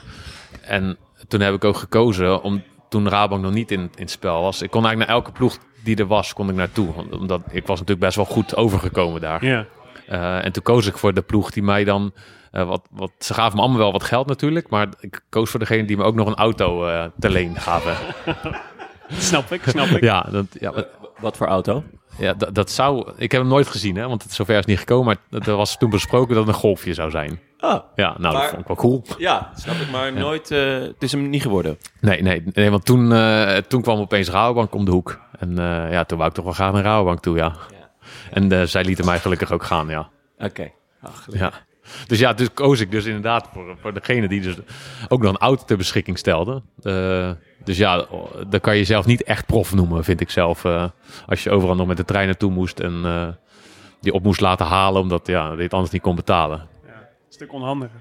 Maar ehm, eh, als je die, die, die, ehm, dus die periodes ra- z- probeer de geschiedenis van de Rabo zeg maar in jouw jaren eens te beschrijven in, gro- in grote lijnen. Zeg maar de eerste jaren dat was zeg maar dat was nog was dat, was dat nog de hoogtijdagen van Rabobank? Ehm, Ja, dat was de ja, periode Menschhoff misschien. Ja, nou, Ja, toen toch? ik dan bij de opleidingsploeg kwam, was, was zeker de periode Rasmus eh, Bogert. Ja, dus, eh, maar toen was het ook echt een, eh, een instituut eigenlijk, hè, Rabobank. Dus dat, ja, dat, dat, dat, toen, toen zweefde ik al alleen van het idee dat ik naar die ploeg ging, zeg maar. en toen ik prof werd, toen, ja, toen was, was het, het- dat tijdperk voorbij. Erik Dekker zat natuurlijk toen ook nog bij. Dat waren de vaandeldragers daar. en toen ik prof werd, ja, toen had je nog Oscar Freire. Dat was eigenlijk de grote man, hè. Ehm, En dan Dennis Menshoff inderdaad. Dan moet ik wel even, even hard gaan nadenken allemaal hoor. Eh, Heb je daar nog de Giro mee gewonnen? ja. Ja. ja, toen mocht ik opeens naar de Giro. Ik weet nog heel goed dat eh, Jan Boven mij belde. Ehm, ik denk dat het drie weken voor de Giro was. Of misschien, zelfs, misschien zelfs twee. Nee, ik denk twee eigenlijk. Dat hij ehm, eh, mij belde en uh, nou, bla bla bla, allemaal koetjes en kalfjes. En toen zei hij, hey, wat zou je ervan vinden als je naar de Giro gaat? Nou, dan zei ik, ja, rot op. ik weet nog waar dat ik dat zei. Ja, rot op joh. Toen ging die op. nee, nee, ja. Wa- waarom zei je rot op? Ja, rot op. Ik Gewoon zo eh, op z'n Hollands dan. Hè? Niet, niet dat hij echt moest oprotten. maar eh, eh, ja, er was een, een plek vrijgekomen. Ik, ik weet eigenlijk niet waarom ze... eh, wat, wat daar gebeurde waardoor er een plek was. En eh, toen dachten ze, nou neem een jonge gast mee. Die, eh, waarvan wij denken dat hij een grote motor heeft. In ieder geval dat hij het aan kan. En ja, dat was ik dan gelukkig. Ja, wat, wat weet je er nog van, van die Giro? Nou, dat, echt, eh, dat, dat was de zwaarste drie weken uit mijn leven, denk ik. Ja? ja, dat... eh, Is goh, daar, is daar de angst voor de berg ontstaan? Nee, die had ik toen al goed hoor. Oh, maar ja? die, die is daar gewoon bevestigd. ja, god, wat... wat Ja, daar is wel de liefde ontstaan voor de Ronde van Italië. Zeker. Ja, dat kan ook haast niet anders natuurlijk als je, als je hem wint. Maar ehm, eh, ja, toen, toen was Dennis Menschov mijn nieuwe held eigenlijk. Dat die, die, want wint verdomme de, de Ronde van Italië. Ja. Ehm, En hoe ook? ja, ja, ja, later is dat natuurlijk wel... eh, moet je het een beetje nuanceren. Een Dus, beetje in aanzien gekelderd. ja, dus laten we dat wel gezegd hebben. ja. Eh, maar ja, dat wat vond ik natuurlijk een fantastische periode. Dat ik was helemaal afgedraaid toen ik eruit kwam. Eh, maar eh, eh, ik ben daarna gewoon op moraal elke dag gewoon vier uur gaan fietsen. Gewoon, En ehm, nou, die, toen was het ook een grote ploeg, echt een instituut. De, de jaren daarna minder, anders misschien. Ehm, maar als je het vergelijkt met nu, is dat een beetje de, de, dezelfde blauwdruk? En, en is, het, is Jumbo-Visma inmiddels ook een instituut? Of is het nog meer in wording volgens jou? Ehm, nou, ik denk dat, dat Jumbo wel redelijk staat nu. Eh maar dat zou je eigenlijk aan, aan, die, aan eh, jonge mannetjes moeten vragen. Van, eh, van 16, 17, 18 of zo. Wat die, Ja. hoe, hoe die ernaar kijken. Maar ik denk het wel. Dus, dit is nu het vijfde jaar dat Jumbo erin zit. Ehm, ik denk wel dat Jumbo die plek heeft overgenomen. Ja, dat, maar het, het is niet te vergelijken. Ehm, je kan beter nu prof worden dan, dan toen qua, qua Ja, begeleiding. Dat wou ik vragen, want het is natuurlijk een rare periode ook om prof te worden. Ook met terugwerkende kracht, zeg maar, in de, de, de Ja. profpeloton was het natuurlijk heel Mhm. anders dan dat het nu is. Hoe heb Ja. jij dat ervaren toen? Als, want ik je hoort heel veel, eh, heel veel verhalen inderdaad van jonge renners die toen echt het gevoel hadden... Ik word aan alle kanten voorbij gereden en ik weet nog niet zo goed waar dat dan lag. En achteraf weet Ja, je ja, donders goed waar dat dan lag. Ehm, nou, dan denk ik denk juist dat ik juist op het goede moment prof ben geworden. Ja. Want eh, je kreeg, eh, geloof ik in 2008, kreeg je de no-needle policy. Ja. Denk, ja, en dan, nou ja, dan later dat jaar word, word ik prof. Dus dan heb ik dat gelukkig al niet, niet mee hoeven maken. Ja. Ehm, maar ja, ja, ik weet ook alle namen inderdaad van, van renners daarvoor die, eh, Ja. die toch heel goed waren en dit als prof gewoon niet redden. Ja. Ehm, eh, ja, wat heb je? Je hebt Mutsaars, Koen, Koen Boerman, eh, de- een Duin heb je. Ik, ik weet het al. Ik was toen echt wel fan van de ploeg. Zo'n hele generatie. Ja, ze- die, die er gewoon die het gewoon niet die, gered die het niet redden. Ja, dus Ja. in dat opzicht is het natuurlijk wel goed dat ik, dat ik niet een paar jaar eerder proef, prof word. Want dan word je misschien toch afgerekend erop. Ook al Ja. weten, ze, weten ze wel meer. Ja. Maar ja, eh, er moet toch gewoon gepresteerd worden. Dat, dat is het natuurlijk wel een beetje. Maar eh, mijn eerste jaar was wel heel moeilijk, omdat ik, omdat ik toch wel een beetje aan mijn lot werd overgelaten. Dat, of nee, dat, dat, dat, klinkt te hard. Gewoon, je moest veel meer zelf uitzoeken. Eh, en als je nu ziet, als een jonge renner prof wordt, die, die wordt echt wel eh, veel beter begeleid. Ja. En, en ehm, die, die krijgt gelijk een hele jaarplanning van dit en dit eh, gaan we met jou doen. Dit zijn we van plan met zoveel jaar. Dat geeft denk ik wel een, een berg rust. Ja. Terwijl ik ging gewoon, ja, hup, je gaat op stage mee. En eh, je zal waarschijnlijk daar beginnen in die koers. En eh, ehm, Zou je dan juist waarschijnlijk als jonge renner juist heel veel structuur en begeleiding Ja, nodig hebt om precies. Gewoon te leren dat hoe was het er helemaal niet. Ja. Ehm, en ook, ook qua training was dat veel, ja, veel meer basic. En, en Ja. eh, ja, Was dat er dan in de jaren daarna wel? Dus, eh, want het is natuurlijk, het, het budget werd minder en de prestaties werden ook minder. Maar misschien was de begeleiding... maar dat werd juist meer. Ja. Ja, dat is zeker toen, toen, eh, eh, ja, toen Marijn Zeeman eigenlijk bij de ploeg kwam. Toen is dat echt heel erg veranderd. En toen eh, toen Richard Plug het overnam. Daar is, daar is, daar is eigenlijk het, het zaadje gelegd voor, voor de successen van nu. Ja, en, en die kregen, ze kregen wel heel veel kritiek, maar ze hebben wel altijd vastgehouden aan die, ja, aan, aan die visie. Het moet, het moet toch als renner ook heel raar zijn geweest om in die periode, want dat, zeg maar, het instorten van de Rabobank heb jij gewoon meegemaakt. Dus zeg maar, Ja. het eigenlijk zeg maar wat je beschrijft, dat koninkrijk waar je dan in terecht komt en altijd naar hebt opgekeken en zo. Ja, Dat brokkelde in één keer helemaal af. En, en, en met reden ook. Maar het moet heel raar zijn om daar soort middenin te staan en dat allemaal om je heen te zien gebeuren. Of daar ook onderdeel van uitgemaakt te hebben. ja, Ja. ja. Hoe vond je dat? Hoe kijk je daar nu op terug? Als we, want we zijn inmiddels een aantal jaar verder. Ehm, nou, eigenlijk is het denk ik wel goed dat het gebeurd is, als Mhm. je dat zo ziet. Eh, want ehm, kijk, ik heb er te kort bij gezeten om het echt allemaal, Ja. allemaal te weten. En, en als je dan ook jong bent, dan heb je daar ook geen oog voor. Hè? Ja. Nu, nu heb ik veel meer oog voor wat er helemaal in de ploeg gebeurt. Eh, als je prof wordt, dan kijk je alleen oeh, Ja. eh, waar ben ik nou terechtgekomen? Mhm. Eh, en dan wil je het gewoon goed doen. En, en nu ben je bezig met alles hoe het een beetje gaat. Maar ja, eh, het, het, kijk, het brokkelde niet af. Het was gewoon in één keer pasboom. eh, Klaar. ja, viel er een bom op het huis. Ja. Eh, want ik weet nog heel goed dat ik op vakantie was. Ik was toen net samen met, met- wat nu mijn vrouw is. En dat ik opeens een, een berichtje kreeg van Robert Geesink van... Hey, ja, er komt zo een mail aan, kijk even. Ja. Dus ik, ja, ik denk wel dat ik toen een smartphone had, maar het moest toch, het, gaat allemaal, het ging toen niet zo makkelijk als nu. Ja. En ja, toen stond er inderdaad van ja, de Raadbank stopte mee. En dat was, eh, was dan eh, eind oktober, begin november of zo. Hè? Ja. Terwijl je gewoon dacht van, hey, ehm, eh, volgend jaar gewoon een Rabobank. Ja.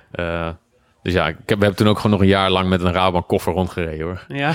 Naar, over het vliegveld en zo. Maar ja, dat was in, in, in één keer, patsboom, was dat inderdaad weg. Maar als, de Laurens Dam heeft het er wel eens over die periode. Die reed toen natuurlijk ook nog bij, bij Rabobank.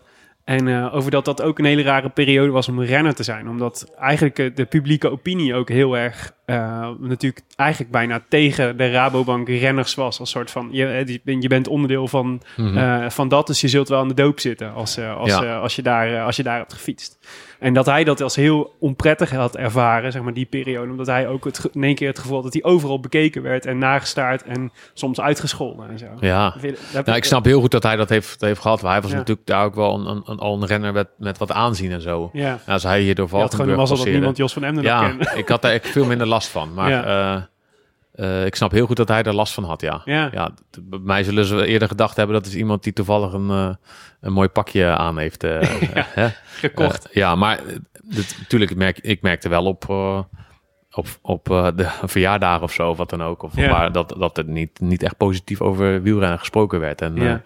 en, en als je bij Rabank reed of had gereden, dan, dan zat je ook gewoon aan de doping. Ja. Ja. Maar ja, Heb jij ooit, heb jij ooit het gevoel gehad, eh dit gaat niet meer goed komen? Of de, hè, want dat was natuurlijk een tijdje ook wel een beetje het sentiment, was zelfs zo negatief, dat er op een gegeven moment, eh weet je wel, er werd allemaal gezegd over, nu gaan mensen niet meer, nou, in Duitsland eh, haakten de, de tv-zenders af, weet je wel. Ja, is in Nederland nooit zo ver gekomen, maar er werd wel over gesproken toen, weet je wel. Wielrennen gaat wel een heleboel populariteit verliezen op deze manier. En, Ja, je zei het niet ooit met veel sport? trots inderdaad. Nee. Nee, nee, het was ook niet dat toen ik mijn vrouw leerde kennen... dat ik van daken riep dat ik wielrenner was. Ja, Ja. Dat, ja dat, dat is gewoon... Ja, dat is wel zo, maar... zijn er momenten Ja. geweest dat jij dacht, ook met jezelf en met de toekomst van de ploeg, zeg maar, dit gaat niet meer goed komen? Poeh, dat durf ik niet te zeggen. Ik, ik denk het niet. Ik denk Ja. dat ik daarvoor nog te, te vroeg in mijn carrière zat. Ja. Dat ik te veel... eh, nog, nog niet die wijde blik had die, die je nu hebt. Eh, En als je nu kijkt naar nu, zijn we daar nu overheen? Is, het, is, is, is, is dit echt een andere periode in het wielrennen dan, eh, ja, dan die tijd? ja, ja, ik kan alleen oordelen vanuit mijn ploeg natuurlijk. Maar, Ja.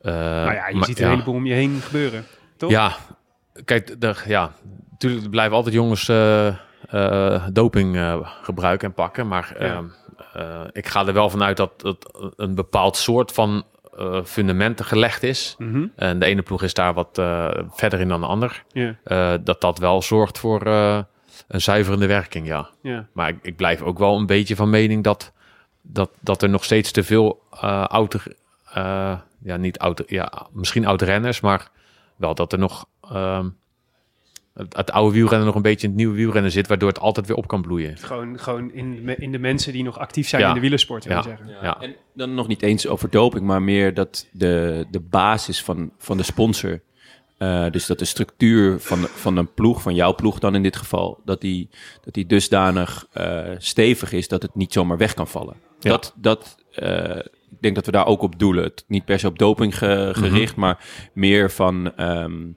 daar wordt ook vaak over gesproken, dat eigenlijk het systeem waarbij ploegen toch echt heel erg afhankelijk zijn van een sponsor, dat dat ook niet helemaal klopt of zo. Dat is inderdaad een probleem, ja. ja. Nou, gelukkig hebben we dat Velon gebeuren. Dit, dat, dat probeert te veranderen. Maar ja, de UC werkt daar niet aan mee. Maar eh, dat is zeker zo. Dat blijft altijd een valkuil. Al zie je wel, dat is natuurlijk een goede ontwikkeling... dat er steeds langere contracten duur wordt eh, eh, afgesloten. Ja.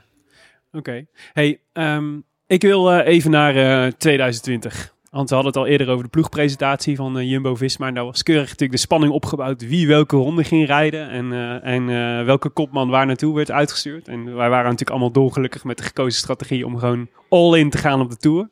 Maar vond het wel een beetje jammer dat jij er niet bij stond bij de Tour. Jij gaat naar de Vuelta. Is dat het, het, grote, het, de- het grote doel dit jaar?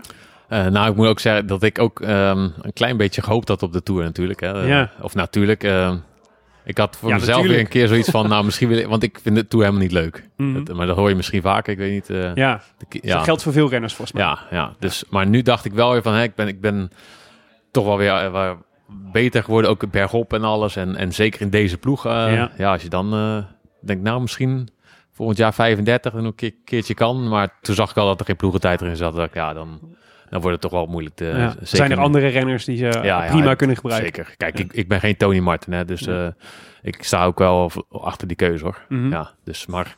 ehm, ja, de, de ploeg werkt enorm tegen. Want eh, ik ben natuurlijk de man van de Giro. En ehm al die Engels heeft er een stokje voor gestoken dat ik eh, naar de Giro ga. Ja. Echt? Ja, Ja. want dat was eigenlijk meteen onze eerste vraag. Waarom geen Giro? Ja, omdat ik dan het, eh, het, het record van Adi Evenaar van starts in de Giro. Oh, het is gewoon een, eh, een persoonlijke vete. Ja, ja, ja, en ja, ik kan heel goed met Adi, maar hij zegt eh, dat gaat niet gebeuren. Ja. Nee, dat, dat, eh, dat, Drie tijdritten, waarvan er volgens mij toch twee je wel eens goed zouden moeten liggen, of niet? Ja, dat, dat, eh, dat is vervelend, ja. Het, eh, ik ben, ze hebben het op tijd verteld dat ik er even aan kon wennen. Want ja, ik, ik had al gezien die, eh, die proloog in ieder geval. eh, kijk, ik, ik heb ooit een roze droom gehad. En eh, ja, die, Die liep mis Ja. in een nabochtje. ja, die, Ja. dat, die viel in duigen. Maar ik, eh, roze droom heb ik altijd nog een beetje. Maar, ehm, eh, en dan heb je natuurlijk de tijd in Milaan. Ja. ja. Dat, dat, ja, dat moet vlak zijn daar. Mhm. Maar, ehm, maar kijk, ehm, kijk, voor een proloog kan je wel zeggen van dat daar kan je naartoe werken. Maar ja, een rit 21, weet je, daar, daar gebeurt gewoon te veel. Daar, daar, daar, daar ben ik het gewoon wel mee eens met de ploeg ook Ja. van. eh, ja, daar kan je niet iemand voor gaan meenemen, zeg maar. Nee. Eh, Want de en- kans dat er onderweg iets gebeurt waardoor je die Precies, of 21ste rit helemaal niet top kunt zijn, is eh, Precies, Groot. of je het haalt, of je slecht bent, of ziek, weet ik veel wat. ja, eh, of gewoon keihard moet werken tot de laatste dag. Zo is het ook, Ja. ja. Dus, eh, maar kijk, en die, die proloog is wel, die is gelukkig alweer een beetje aangepast. Eh, want eerst zou het iets van 700 meter bergop zijn. Ja. En dat wordt nu al een kleine 2 kilometer. Dus, S- s- eh, staat al iets minder Jos ja, van Emden op. En de Rowan Dennis, die rijdt daar dus... eh, ja, die ging niet winnen. Oké. Ja, dus dat eh, moet je gewoon eerlijk zijn, die ging niet winnen. Dus Verzachte omstandigheden. ja, ja, dus ik vind dat ook wel goed. En ook, ook nu je weet welk, met wie ze daar naartoe gaan... Ja. Eh, ja, snap ik de keuze gewoon helemaal. Ehm, ja, dan ga ik naar de Vuelta. Wat, en ja, nu heb ik eh, gewoon een, eh, een, een andere droom daar. eh, een, Ja. eh, ja, de, de ploegentijd te winnen. Ja. Dat- ja, dat Hebt, jullie hebben daar nog wel wat recht te zetten. natuurlijk. sowieso. Ja. En dan, eh, als, er, als er geen zwembad lekt en zo. dus ja, dat is wel iets wat ik... eh, Ja, weet je wat het is? Van die, wat ik, wat, wij hadden het eh, in de trein, Jon en ik, over, hier naartoe, over, over jouw programma van het komend jaar. Wat het er zijn weinig renners die van tevoren zeggen, de Vuelta wordt mijn hoofddoel, zeg maar. En dat komt, denk ik, één, het is, vind ik dat logisch, want het is echt super ver weg nog. Het is gewoon eind augustus. Eh, Ja, 14 denk ik, half augustus. Half augustus, ja. Dus dat is nog. Dat is, ja, en het is natuurlijk. De Vuelta is natuurlijk voor heel veel renners een soort van. ehm, eh, koers waar je dingen recht kunt zetten. Ja, goed makertje is het vaak. Nou, als je ja. dus al in de Vuelta niet, als dat het hoofddoel is en het gaat daar niet goed, dan heb je niks meer om het recht Ja. te zetten. Dus dat is ook een soort van. eh, dus, eh, dus de Vuelta, maar de, wat zit ervoor waar je, waar je aan. of, is, of is het echt, wordt het echt de Vuelta, ga jij naartoe werken dit jaar? Nou ja, wat jij zegt ben ik ook helemaal mee eens. Want ik, ook, ja, ik, moet, ik moest er ook gewoon even aan wennen dat je, je hoofddoel eigenlijk zo ver weg ligt. Ja, En, en er komt ook bij dat ik ja, de Vuelta gewoon echt wat minst, eh, de minst aantrekkelijke grote ronde vind. Ja. Al, ja, al zijn ze de laatste paar jaar wel veranderd. ja Maar maar, dan, toch- dan, hij wordt vooral aantrekkelijk met hoge bergjes. ja, wat hem dan ook weer onaantrekkelijk maakt, Ja, vind ik. Gewoon als, precies. als niet, niet zozeer naar mezelf kijken Nee, als ik renner, associeer maar... hem niet meteen met Jos van Emden. Nee. Nou, ik, eh, vorig jaar weet ik nog heel goed dat ik zei eh, van ja, de Vuelta kijk niet naar. Want eh, ik weet dat als ik naar trainen tv aanzet, dat er 30 man weg zijn Ja, en dat iemand daar de rit gaat winnen. Ja. Dat was gewoon, de, ja, tien dagen lang ging dat gebeuren. Maar ehm, het is wel nu een mooie ronde geworden in ieder geval. Dus, en als je ook op focus wordt het ook wel anders natuurlijk. Hè? Maar daarvoor heb ik nog... ehm, de, kijk, we krijgen kwaremondjes. Kijk, dat is het bier van de overwinning, hè? dat is lekker hoor. Dankjewel. Dankjewel, jongen. Nou, proost. Ja, cheers. We schakelen toch nog over eh, van koffie naar een echt natje, namelijk de Kwaremond. Maar goed, Nou, ehm, nu kunnen we echt los. ja. Dit was de intro, toch? De- Ja, ja, precies. Ja. Ik heb thuis een, ehm, die zie ik elke dag, want dit- daar staat, eh, die staat bij mijn fiets, maar een, een glas van een, eh, ja, ik denk een liter of misschien wel twee, van de Quaremont zo. Zo'n heel groot glas, die ik een keer won. eh. ja, ja nee, echt een drinkglas is het wel. Maar ehm, dat is een van de mooiste trofeeën die ik gewonnen heb. In ieder geval de meest praktische. Ja, en er zat ook een fles bij van 5 liter. Dus eh, die heb ik toen een keer opgedronken met, met die groep eh, vrienden waar ik het over had. Zo, zo koud. Wie wil er nog een beetje zo? Alles om warm te blijven. Ja, maar dat, daar moet je toch goed je best voor doen, voor 5 liter op te drinken. Zelfs met acht man. Maar in ieder geval, eh, de, ik, Nee, ga, dus het, het, het, ik ga het weer proberen in de Tirreno. Oh om, ja. om de tijdrit te winnen. Dat is echt eh, ja, eentje die ik gewoon zo graag wil winnen. Eentje, die is ook op mijn lijf geschreven. En ehm, eh, ja, ik hoop toch dat het een keer lukt. Ja. Ja, ehm, Wat, hoe, wat is, hoe, ver ben je, hoe dichtbij ben je gekomen tot dusver? Eh, ik heb nu drie keer deelgenomen. Ja. En, eh, ik werd tweede, tweede en derde. En ik weet wel dat ik dit jaar dacht, godverdomme, nu word ik geen tweede. Ja. En dan, eh, dan, als, als je dan niet wint, dan wil ik gewoon nog tweede worden. Er- klopt ene, hoe moest ik even kijken? Bettiol klopt me. Ja. Wat, wat, wat kan die nou? Ja, en Ja. twee weken later won hij de Ronde van Er Vlaanderen. had wel een teken moeten zijn. Ja, precies. Ja. Dus ja, nee, die, die, die wil ik gewoon graag winnen. Ook omdat dat een beetje, ja, daar, eh, daar dacht ik toen mijn grootste triomf eh, te Ja. gaan ha- behalen. Ja. eh, eh, drie jaar geleden. Mhm. En eh, nou, gelukkig werd het het jaar laat, of hetzelfde jaar al in de Giro dat ik won. Maar Ja, was toch een iets grotere triomf, hè? Dan dat was een veel groter, ja. Ja. Maar het- op dat moment dacht ik wel van, misschien kom ik nooit meer zo dichtbij om, om zo'n eh, grote koers te winnen. Ja. Wat ik echt fascinerend vind, is dat ehm, ook weer eh voorgesprekje van Jon en mij in de trein. Maar ehm je, was natuurlijk, eh, je bent natuurlijk de tijdrijder van Jumbo-Visma. Maar eigenlijk, als we, een, als we een tijdrit zouden organiseren nu met, het, met de ploeg...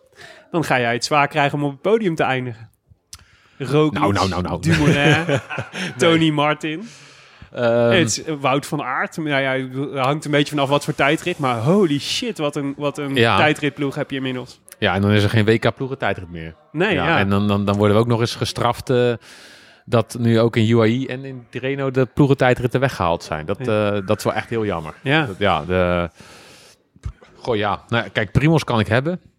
Eh, als, als het mijn parcours is. Als hij voor het, als hij voor het klassement aan het rijden Ja. is ook. Eh, Dat, dat zei Tom ook nog een keer. Die zei, eh, eh, die zei zelf een keer van, eh, was vorig jaar een keer, zegt de afgelopen drie, vier tijdritten heb je mij geklopt, zei hij. Dat oh, oké, beter. Maar dat, dus als het mijn parcours is, dan, dan, dan kan ik Primos, Tom en Tony wel hebben, maar Wout, Wout niet. Nee, Wout Nee? is wel, nee, nee, nee, nee. Hij is echt waar. Ja, vertel, wat, eh, is die echt zo... eh, Ja, dit is een buffelzootje op. Ja? Domme, ja, ja, echt, eh, ja. die, ja, die ja. schat jij hoger dan Roglic en eh Dumoulin Nou, en op, Martin? op, op mijn parcours. Oh, op jou. op mijn, mijn En wat parcours, is jouw parcours dan? Zeg maar lange, lange, lang vlak. Eh, nou, nee, eigenlijk een kilometer of 10, 15 vlak. Oh, oké. ja, ja. ja. en dan, dan eh, maakt het er niet heel veel uit of het heel veel rechtderen is of bochten. Maar ehm, eh, kijk, Tony is iets meer een diesel. Ja. Dus over, over het algemeen kan Boven de ik hem 100 hebben. kilometer. Ja, precies, ja. Ja, hij is, hij is voor de grote motoren. En, eh en Primos, eh, ja, die, die, die moet het gewoon een beetje ook van berg op hebben. Ja. Dat, eh, ja. Ehm, maar ja, nee, het is... Maar dus, maar dus de, de tijdrit in de Tirreno.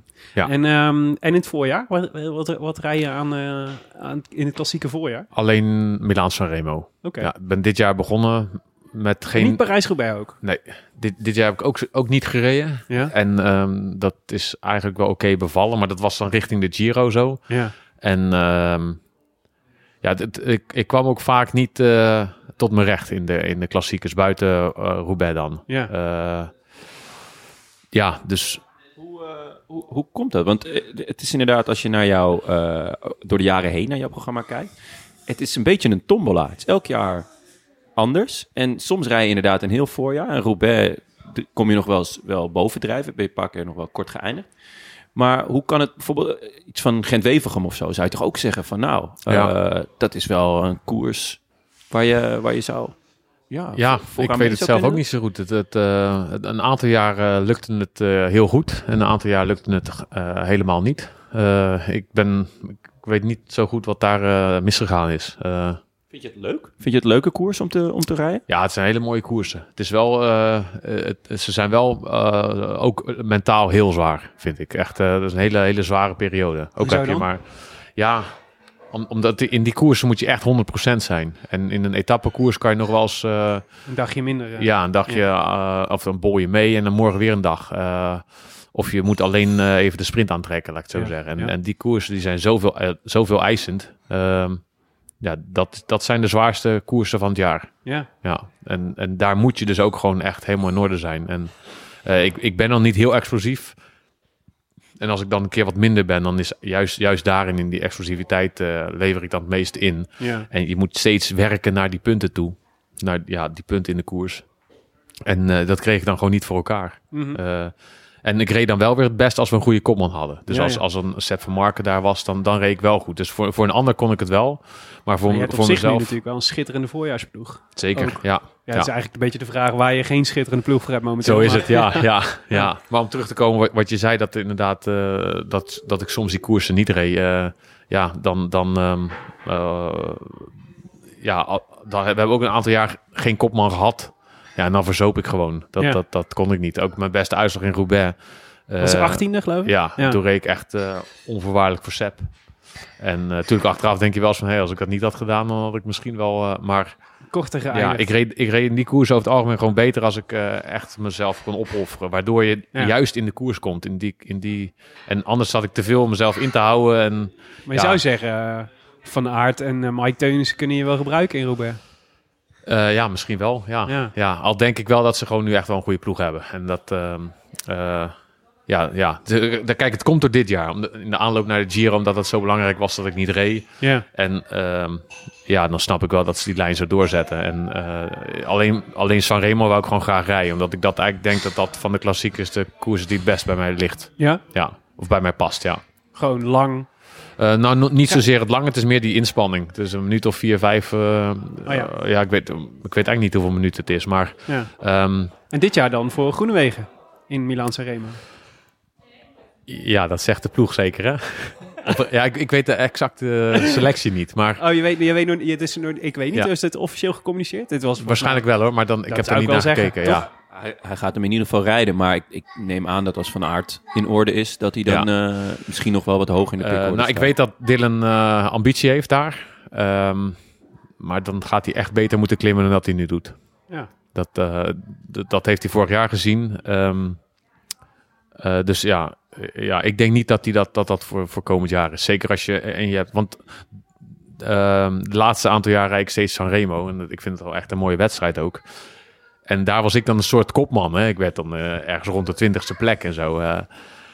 en dit jaar was opeens, eh, eh, hadden we echt een ploeg die daar, we kwamen met z'n vieren eroverheen. Ja. Hè, nou, had je Amund, Mike en, en Wout. En eh, Eroverheen, over de Poggio. ja, ja, dus Ja. Die, die finale reden.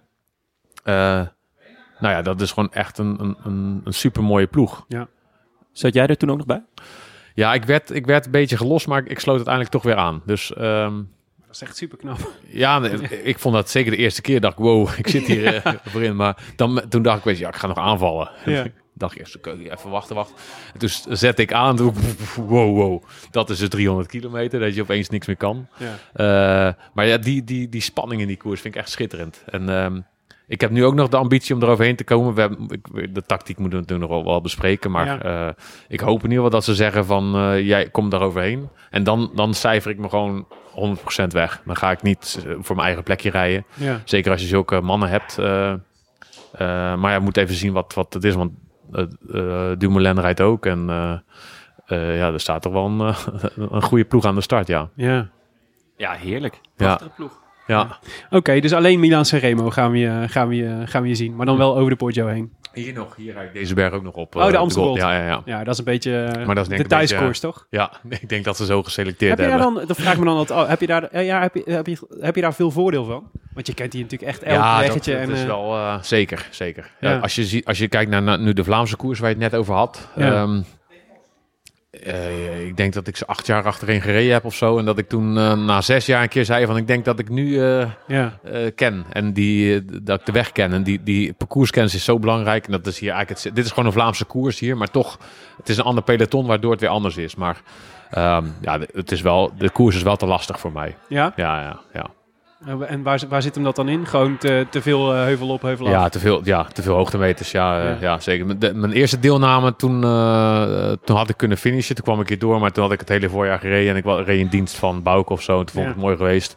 Achteraf had ik toen door moeten rijden dat ik kon finishen. Maar de jaren daarna ben ik altijd gewoon daarvoor voortijdig al gewoon afgeschoten. Oké. Ja. Hey, ehm, je noemde hem zijn naam net al, maar ehm, hoe vind je het? Tom Dumoulin is natuurlijk ook gewoon een goede vriend van jou.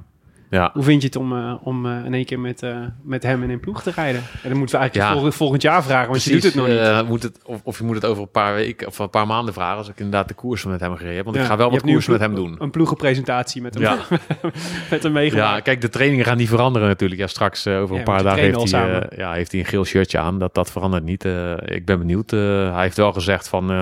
ik hoop wel dat jij gewoon tegen in de koers net zo bent als hier op training. Dat je af en toe zegt van... nou Tom, waar ben je mee bezig? Of zo. Of dat, ja. Ja.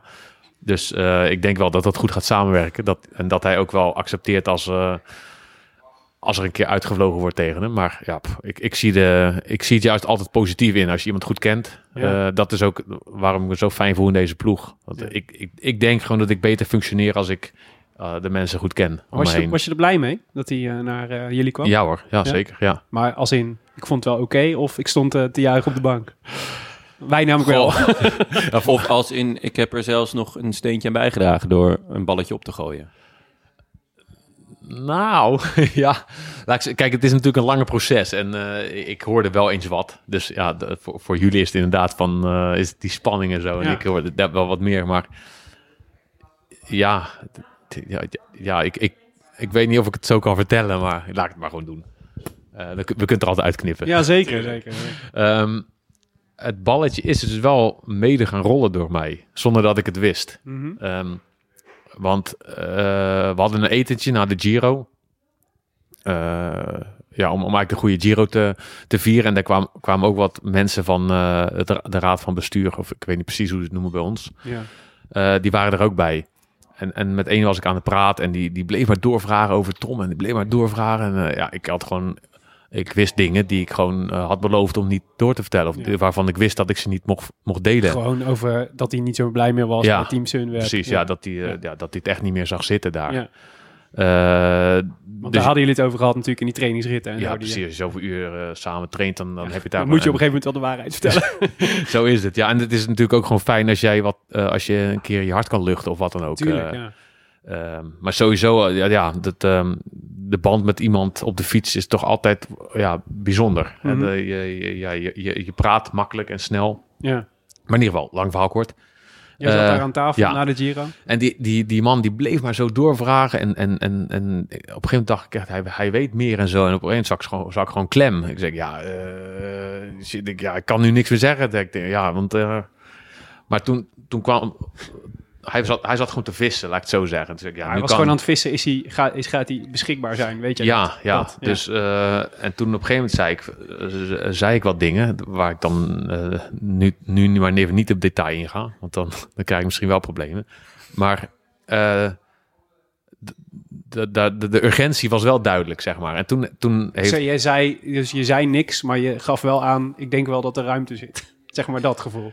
Eh, ja, Je- ja. Nou, ik, ik, laat ik zo zeggen. Ik, eh, ik zei dat er dingen gingen gebeuren. Eh, Het stonden, het stonden te gebeuren. Waar eh, als ze iets wilden, dat ze gewoon direct moesten handelen. Oké. Ehm, en dat hebben ze toen ook gewoon echt direct gedaan. Ja. Dus de dag daarna eh, is, is Tom gewoon al gebeld. Ja. Eh, en, eh, en toen is dat balletje dus gaan rollen. Ja. Wauw. Eh, ja. Dus ja. Dankjewel, Jos. ja. Ja, nee, ik heb ook gezegd eh 10% is voor mij. 7. Wat goed. Dus ehm, ja, eigenlijk zonder dat ik het wist. Ja. Eh, want ik heb natuurlijk niet... Nee, je was Helemaal, volgens niet bij de eh, onderhandelingen betrokken. Nee, nee precies. Ja. En, ehm, maar ja, de, Een heel goed, hoofd, goed, goed detail in toch een wonderlijke wielentransfer. Ja, zeker. toch, ja, maar hij had, had al wel eens door laten schemeren van... eh, het, het liefst ga ik wel naar jullie. Gewoon eh, zonder dat er toen ook sprake was van... Ja. eh, eh, ja, er waren natuurlijk altijd er waren al ploegen die zich gemeld hadden bij zijn management. Dat, dat is ook mijn management. Ja. Dus eh, ja, en dan, ehm, ja, dan gaan toch gebeuren er dingen, ja. ja.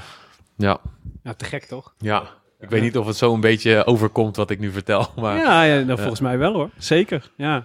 Hey, en ehm, zoals altijd, Jos, hadden we... Nou, eigenlijk zoals altijd. We hadden een record aantal luisteraarsvragen ontvangen voor jou. zoals, Je zoals bent niet alleen keer. geliefd bij je collega's, maar ook eh, bij, bij de fans. Kijk eens aan. Dankjewel, fans. Ja, dus, ja, dus je moet toch iemand tussen zitten met een Jos van Emde agenda. Zat Maarten de Bakker er niet tussen? Nee, nee, niet Maarten de Wakker. Wel een, eh, wel een andere collega van je, maar daar komen we zo wel op. Ehm, ehm, laten we beginnen met een, eh, met een makkelijke vraag. Van Arjan van Zanten. Die vraagt, ik ben net zo kaal als Jos. Heeft hij niet onwijs last van zweet dat van zijn kop afloopt, zoals ik?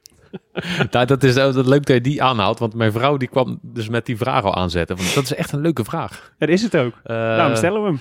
Nou ja, ik, ik zweet enorm. Mhm. Maar ehm, ja, ik ben dus al eh, ja, redelijke tijd kaal. Eh, maar ik heb, ben door die vraag wel na gaan denken inderdaad. Van misschien als je zo'n bos haar hebt als jullie, Ja. allebei misschien. Ik dan vind het blijft fijn dat- dat je mij met met Jonne Nou, vergelijkt. je, hebt, je hebt toch al zeker... eh, Ja, meer dan jij, dat is ja, veel meer. Maar dat dat toch wat eh, zweet opneemt, ja. Eh, Ja. ja, ik, ik, ik zweet enorm. Ik sta ook gewoon bekend om, om het gezweet. En eh, als ik een berg op fiets aan 5 graden loopt het ook gewoon van mijn neus af. Ja. Dus eh, Nog een reden waarom je de Vuelta niet zo leuk vindt waarschijnlijk. ja, ja ik, ik ben niet echt van de warmte. Ja. Ja. Maar wat doe je er tegen dan? Want het is dus, dus het zweet van zijn kop afloopt. Dat loopt natuurlijk in je ogen en zo. Ja. En, het is heel vervelend. Ja, eh, ehm, wegvegen. En ik heb... eh, En ehm, goede petjes. Nee, nee, dat snap ik ook niet. Sommigen doen petjes op. Ja, als het koud is, hè. Ja. Ik rijd nu altijd met een muts of petje. In Ja. het voorjaar ook altijd, want dan is het gewoon koud. Maar zodra het iets warmer wordt, eh niet. koeling. Ik heb Ja. koeling nodig. Oh ja, oké. Koelvloeistof. Maar ehm, wat, wat, wat, wat, wat, wat weet ik niet meer wat ik ging zeggen. Maar, nou, wat doe je eraan? Wegvegen. Ja, ik veeg het weg. En oh ja, dat ging ik zeggen. Ik ben echt op zoek geweest naar een zonnebrandcrème. Want ik moet natuurlijk wel mijn dakpan insmeren. Want ik, in Australië heb ik een keer verbrand. Ja. Nou, dat, nooit meer. Mhm. Echt, oh, maar dat was verschrikkelijk. En eh, een oude helm. Was dat toen je ook gedronken had? Nee, was Dan gaat het vaak wat harder. nee, was tijdens training. Dat ik het eh, vergeten was in te smeren. Jezus. Eh, en eh, met deze helmen die wij nu hebben, heb ik geen last van. Maar de, de vorige kreeg ik altijd strepen op mijn hoofd. Dan was ik een soort, eh soort tijger was ik. Wauw. Dat is wel mooi. Maar ehm, eh, ja, nu, ja, dus eh, ik heb nu een zonnebrandcrème gevonden die eh, niet prikt in mijn ogen. Of in ieder geval die, Ah, die ja. ik er niet echt. Ja. Eh, en ja, die, dat Wil, is je dus- daar, wil je daar even reclame voor maken? Nee, want die is duur zat. Oh ja. En, maar Ja, dan krijg je misschien, dan stuur ze misschien een doosje op. ja, wie weet. Nee, ik, ja, oké, ik gebruik Vision. Eh, of de, ja, nou, en als ik dan een keer andere gebruik, eh, omdat ik hem, als ik hem vergeet of wat dan ook, dan, dan Merk echt- je het meteen? Ja, dan zit ik gelijk, shit. En als je dat in afdaling hebt, is het niet tof hoor. nee, is best Dat, onhandig. eh, ja, dan, en dan zie ik wel, je hebt handschoentjes aan, dan kan je vegen, maar ik moet dus een uh, zonnebrandcreme hebben die ik er niet te hard uitzweet. ja, En dan komt het ook niet zo voor mijn ogen terecht. oké. Ik heb wel eens een bandje gehad van iemand. eh, Ja. eh, weet je wat ik bedoel? Of Ja, niet? nou nee, maar ik, eh, wat ik wilde Ja. zeggen is, dat is natuurlijk, als je, ik wou zeggen, als je hele goede wenkbrauwen hebt, die houden natuurlijk ook nog heel veel Ja. tegen. Je Ja. hebt ook niet echt, zeg maar, grote bossen. Nee, dat gaat er gewoon doorheen, ja. Ja, Ja, ja. Nee, ik, ik heb ooit een keer een... een ja, een, Ja, je, je wordt echt helemaal ontleed hier, hè? Je merkt het. ja. Ik zit zo eens naar je te kijken, Josse. Ja. We gaan langzaam en dan gaan we naar richting de snor en de baard. Gaan we het daar nog even over hebben? Ja, ik wel heb wel, goed gebit. ik heb wel voor bo- borsthaar heb ik. Dat, dat vindt mijn vrouw die zegt, je krijgt elk jaar meer borsthaar. Dus ja, als ik dat, misschien kan ik dat dan hier neerzetten. En, In a good way, Ja. ja. maar eh, nee, je hebt dus bandjes schijnbaar eh, die je hier kan doen. En er zit een gultje in. Ja, echt heel stom. Maar ik heb het nooit, nooit gebruikt. Nooit maar- geprobeerd ook. Nee, ik heb hem echt jaren bewaard. Ja. Eh, ik dacht, misschien ga ik het ooit een keer doen. Maar dat is een soort afwateringsgootje. zo. ja, het is echt waar. Een Dat, plastuit voor vrouw. Maar dan- ja, ja, het wordt gewoon gemaakt. Dus eh, er is waarschijnlijk een markt voor. Nou, ik- ja, nou goed. Arjan van Zanten zou er eh, blij mee zijn. Ja, zo te dus, dus eh, misschien moet hij dat een keer opzoeken. Ja, een vraag van Marco. At Marco underscore 030, om precies te zijn. Die vraagt, zijn de ketonen alleen voor de kopmannen of krijgen knechten het ook? Ehm, Heb jij ze wel eens geprobeerd, ketonen? ja, ik heb het wel geprobeerd, ja. Dit is echt, dit is echt de buzzword van 2019, Ja, toch? maar het is, ehm, het is eigenlijk voor de kopmannen, ja. Mhm. Waarom? Omdat Ja. het te duur is. Eh, eh, denk, ja, ook, ja, ja. Mhm. ja. De, ehm, ja, nou ja, ik, ik ben in ieder geval heel blij dat wij er niet geheimzinnig over doen. Ja. Want ik heb me zeker tijdens de Tour de France enorm opgewonden over de Belgische media. Ze mogen het allemaal horen. Ja. Die, hebben, die, die, die waren zo. ehm, die, die bedrijven be- bedrijfden zulke slechte journalistiek daar. Die Mhm. waren alleen maar gefocust op ons, ketonen. Terwijl het bekend was dat de andere twee Belgische ploegen het ook gebruiken. En dus ze zeiden ook gewoon: ja, we waren naar de persconferentie van, eh van Quickstep. Eh, daar hebben we het niet gevraagd van de ketonen. En terwijl Quickstep gebruikt het, eh, Lotto Soudal gebruikt het. En wij Ja. werden echt neergezet, vond ik, als een soort van halve dopingzondaars. Mhm. Ehm, ja, maar ehm, het, het, eh, het, als ik het wil gebruiken, zou ik het kunnen gebruiken in de grote koersen waar, de- Ja. waar de kopman het Want je hebt het al wel eens gebruikt. En wat, eh, wat merk je daarvan? Wat, eh, wat, wat, wat vervangt het? Wat, eh, wat levert het op? Granny Smit. ja, ja, Granny Smit, joh. Ja, het, is het heel veel Granny Smit in de ketonen. Ehm, nou ja, ehm, eh, ik heb het niet structureel gebruikt, dus misschien is dat iets eh, dat het. ehm, eh, dat, maar ik merk er niks van. Je wilt het gewoon even testen. Nou ja, het, het was in, in de zware rit in de Giro mochten wij dat gebruiken. Ja, eh, dan denk je dat doe ik het maar eens een keer, hè, want een zware rit. Maar ehm, kijk, het is ook maar goed dat je het niet merkt, hè, want eh, ja, er Nee, wordt. stel je voor dat je in één keer twee kilometer per uur harder gaat rijden. Kijk, dan, Ja. dan, dan, dan, dan is het gewoon doping. Ja, precies. En eh, ja, het, het is eigenlijk gewoon dus een, een, een, natuurlijke stof, een lichaams-eigen stof. Ja, dus hetzelfde als je er, als je er een Mars in ketst, dan heb je gewoon heel veel suiker binnen en vet. En Ja. dat is gewoon een brandstof. Ja. Vraagje van Dus wacht even, nee, want even, even de vraag afmaken. Dus zijn de ketonen alleen voor de kopmannen of krijgen knechten het ook? Dus in principe is bij jullie is het voor de kopmannen. Eh, eh, in principe is het Tenzij voor de een kopmannen. zware rit is, dan eh, Ehm. mag je er allemaal, eh, mag, krijg je er allemaal één. Nee, goh, hoe, ehm, ja, het, het is eigenlijk gewoon voor de, voor de piekmomenten. Zo moet je het zien. Ja, ja, en, dan, en voor de piekmomenten dan is het voor de kopmannen, ja. Ja, oké. Oké, ja. heel goed. Ja, een vraagje van, eh, van Leon, maar het kwam eh, vaker voorbij. Eh, Leon eh, is, zit bij ons, is van het Koers ook en eh Bastiaan Gaillard ook. Vraag Jos eens naar die grenspaaltjes. Wat hij daarmee doet en hoe hij aan die fascinatie komt. Eh, en ja, er waren meerdere mensen. Ik heb, ben zelf ook even op onderzoek gegaan. Eh, wat wat eh wordt de deal? Ja, Als je, als je Jos volgt op social, me- social media, gaat het 9 van de 10 keer wel over een grenspaal. Klopt. Ja, ja, ja ik, ik ben... Wat ik eh, echt prima vind, hè? Ja, ik, ik ben niet echt van de social media, maar dat eh, vind, ik- vind, ik, ja, vind ik wel leuk. Ja, het is eigenlijk een beetje gewoon ehm, ontstaan. Ehm, toen ik hier ben gaan wonen, Op de grens. op de grens, ja, dan... Mhm. dan ehm, ja, ik heb het altijd mooi gevonden, de grenspaal. Het is, eh, ja, het is gewoon een mooi, een mooi voorwerp. En ehm, ja, ik, ik ben van de geschiedenis, laat ik het zo zeggen. Dat, dat, dat, eh, eh, buiten het fietsen vind ik geschiedenis eh, heel interessant. En vogels. Eh, dus dat is wel op zich eh, leuk. Tijdens het fietsen Mhm. zie je genoeg geschiedenis en vogels. Zeker. Dus ehm, eh, ja, en dan en, en, ja, als je uit Schiedam komt, heb je, daar heb je geen grens. Ja, je, je hebt de, Ook weinig vogels. ook weinig vogels, ja. Ah, wel veel vreemde vogels hoor. Ja, heel veel vreemde vogels die, die, die heel anders gebekt zijn ook. Eh, ja, en dan op een gegeven moment, dan, ja, je passeert hier natuurlijk altijd de grens. En, en dan eh, eh, landkaarten kijken, vind ik ook echt eh, prachtig. Dat kan ik uren doen. Een, een, een route uitstippelen en, dan- en dan... Geef Jos een bosatlas en een hele ja, avond. oh ja, het is fantastisch. Ja, ja, ik heb van die hele grote, dikke atlassen thuis. En dan zo- kan ik gewoon door, Echt? doorheen bladeren. Ja. Ehm, en dan ga je op een gegeven moment afvragen, waarom loopt die grens zo? En, en dan, als je dan het, het ene weet, dan, dan zoek je de andere op. En ja, dat is gewoon een, soort domino-effect. En ehm, dus de grens eh, vind ik gewoon fascinerend. En sowieso omdat in mijn ogen eh, had, had, eh, had er gewoon een groot Nederland moeten zijn. En niet een, een klein Nederland zoals nu. Mhm. De, ja, mijn droombeeld is nog steeds de 17 eh provinciën. Ik weet niet, dan- Welke moeten we er dan bij hebben? ja, de, de 17 provincie was eigenlijk het grootste Nederland wat er was. Dat was Noord-Frankrijk en België erbij. Oh, oké. Ja.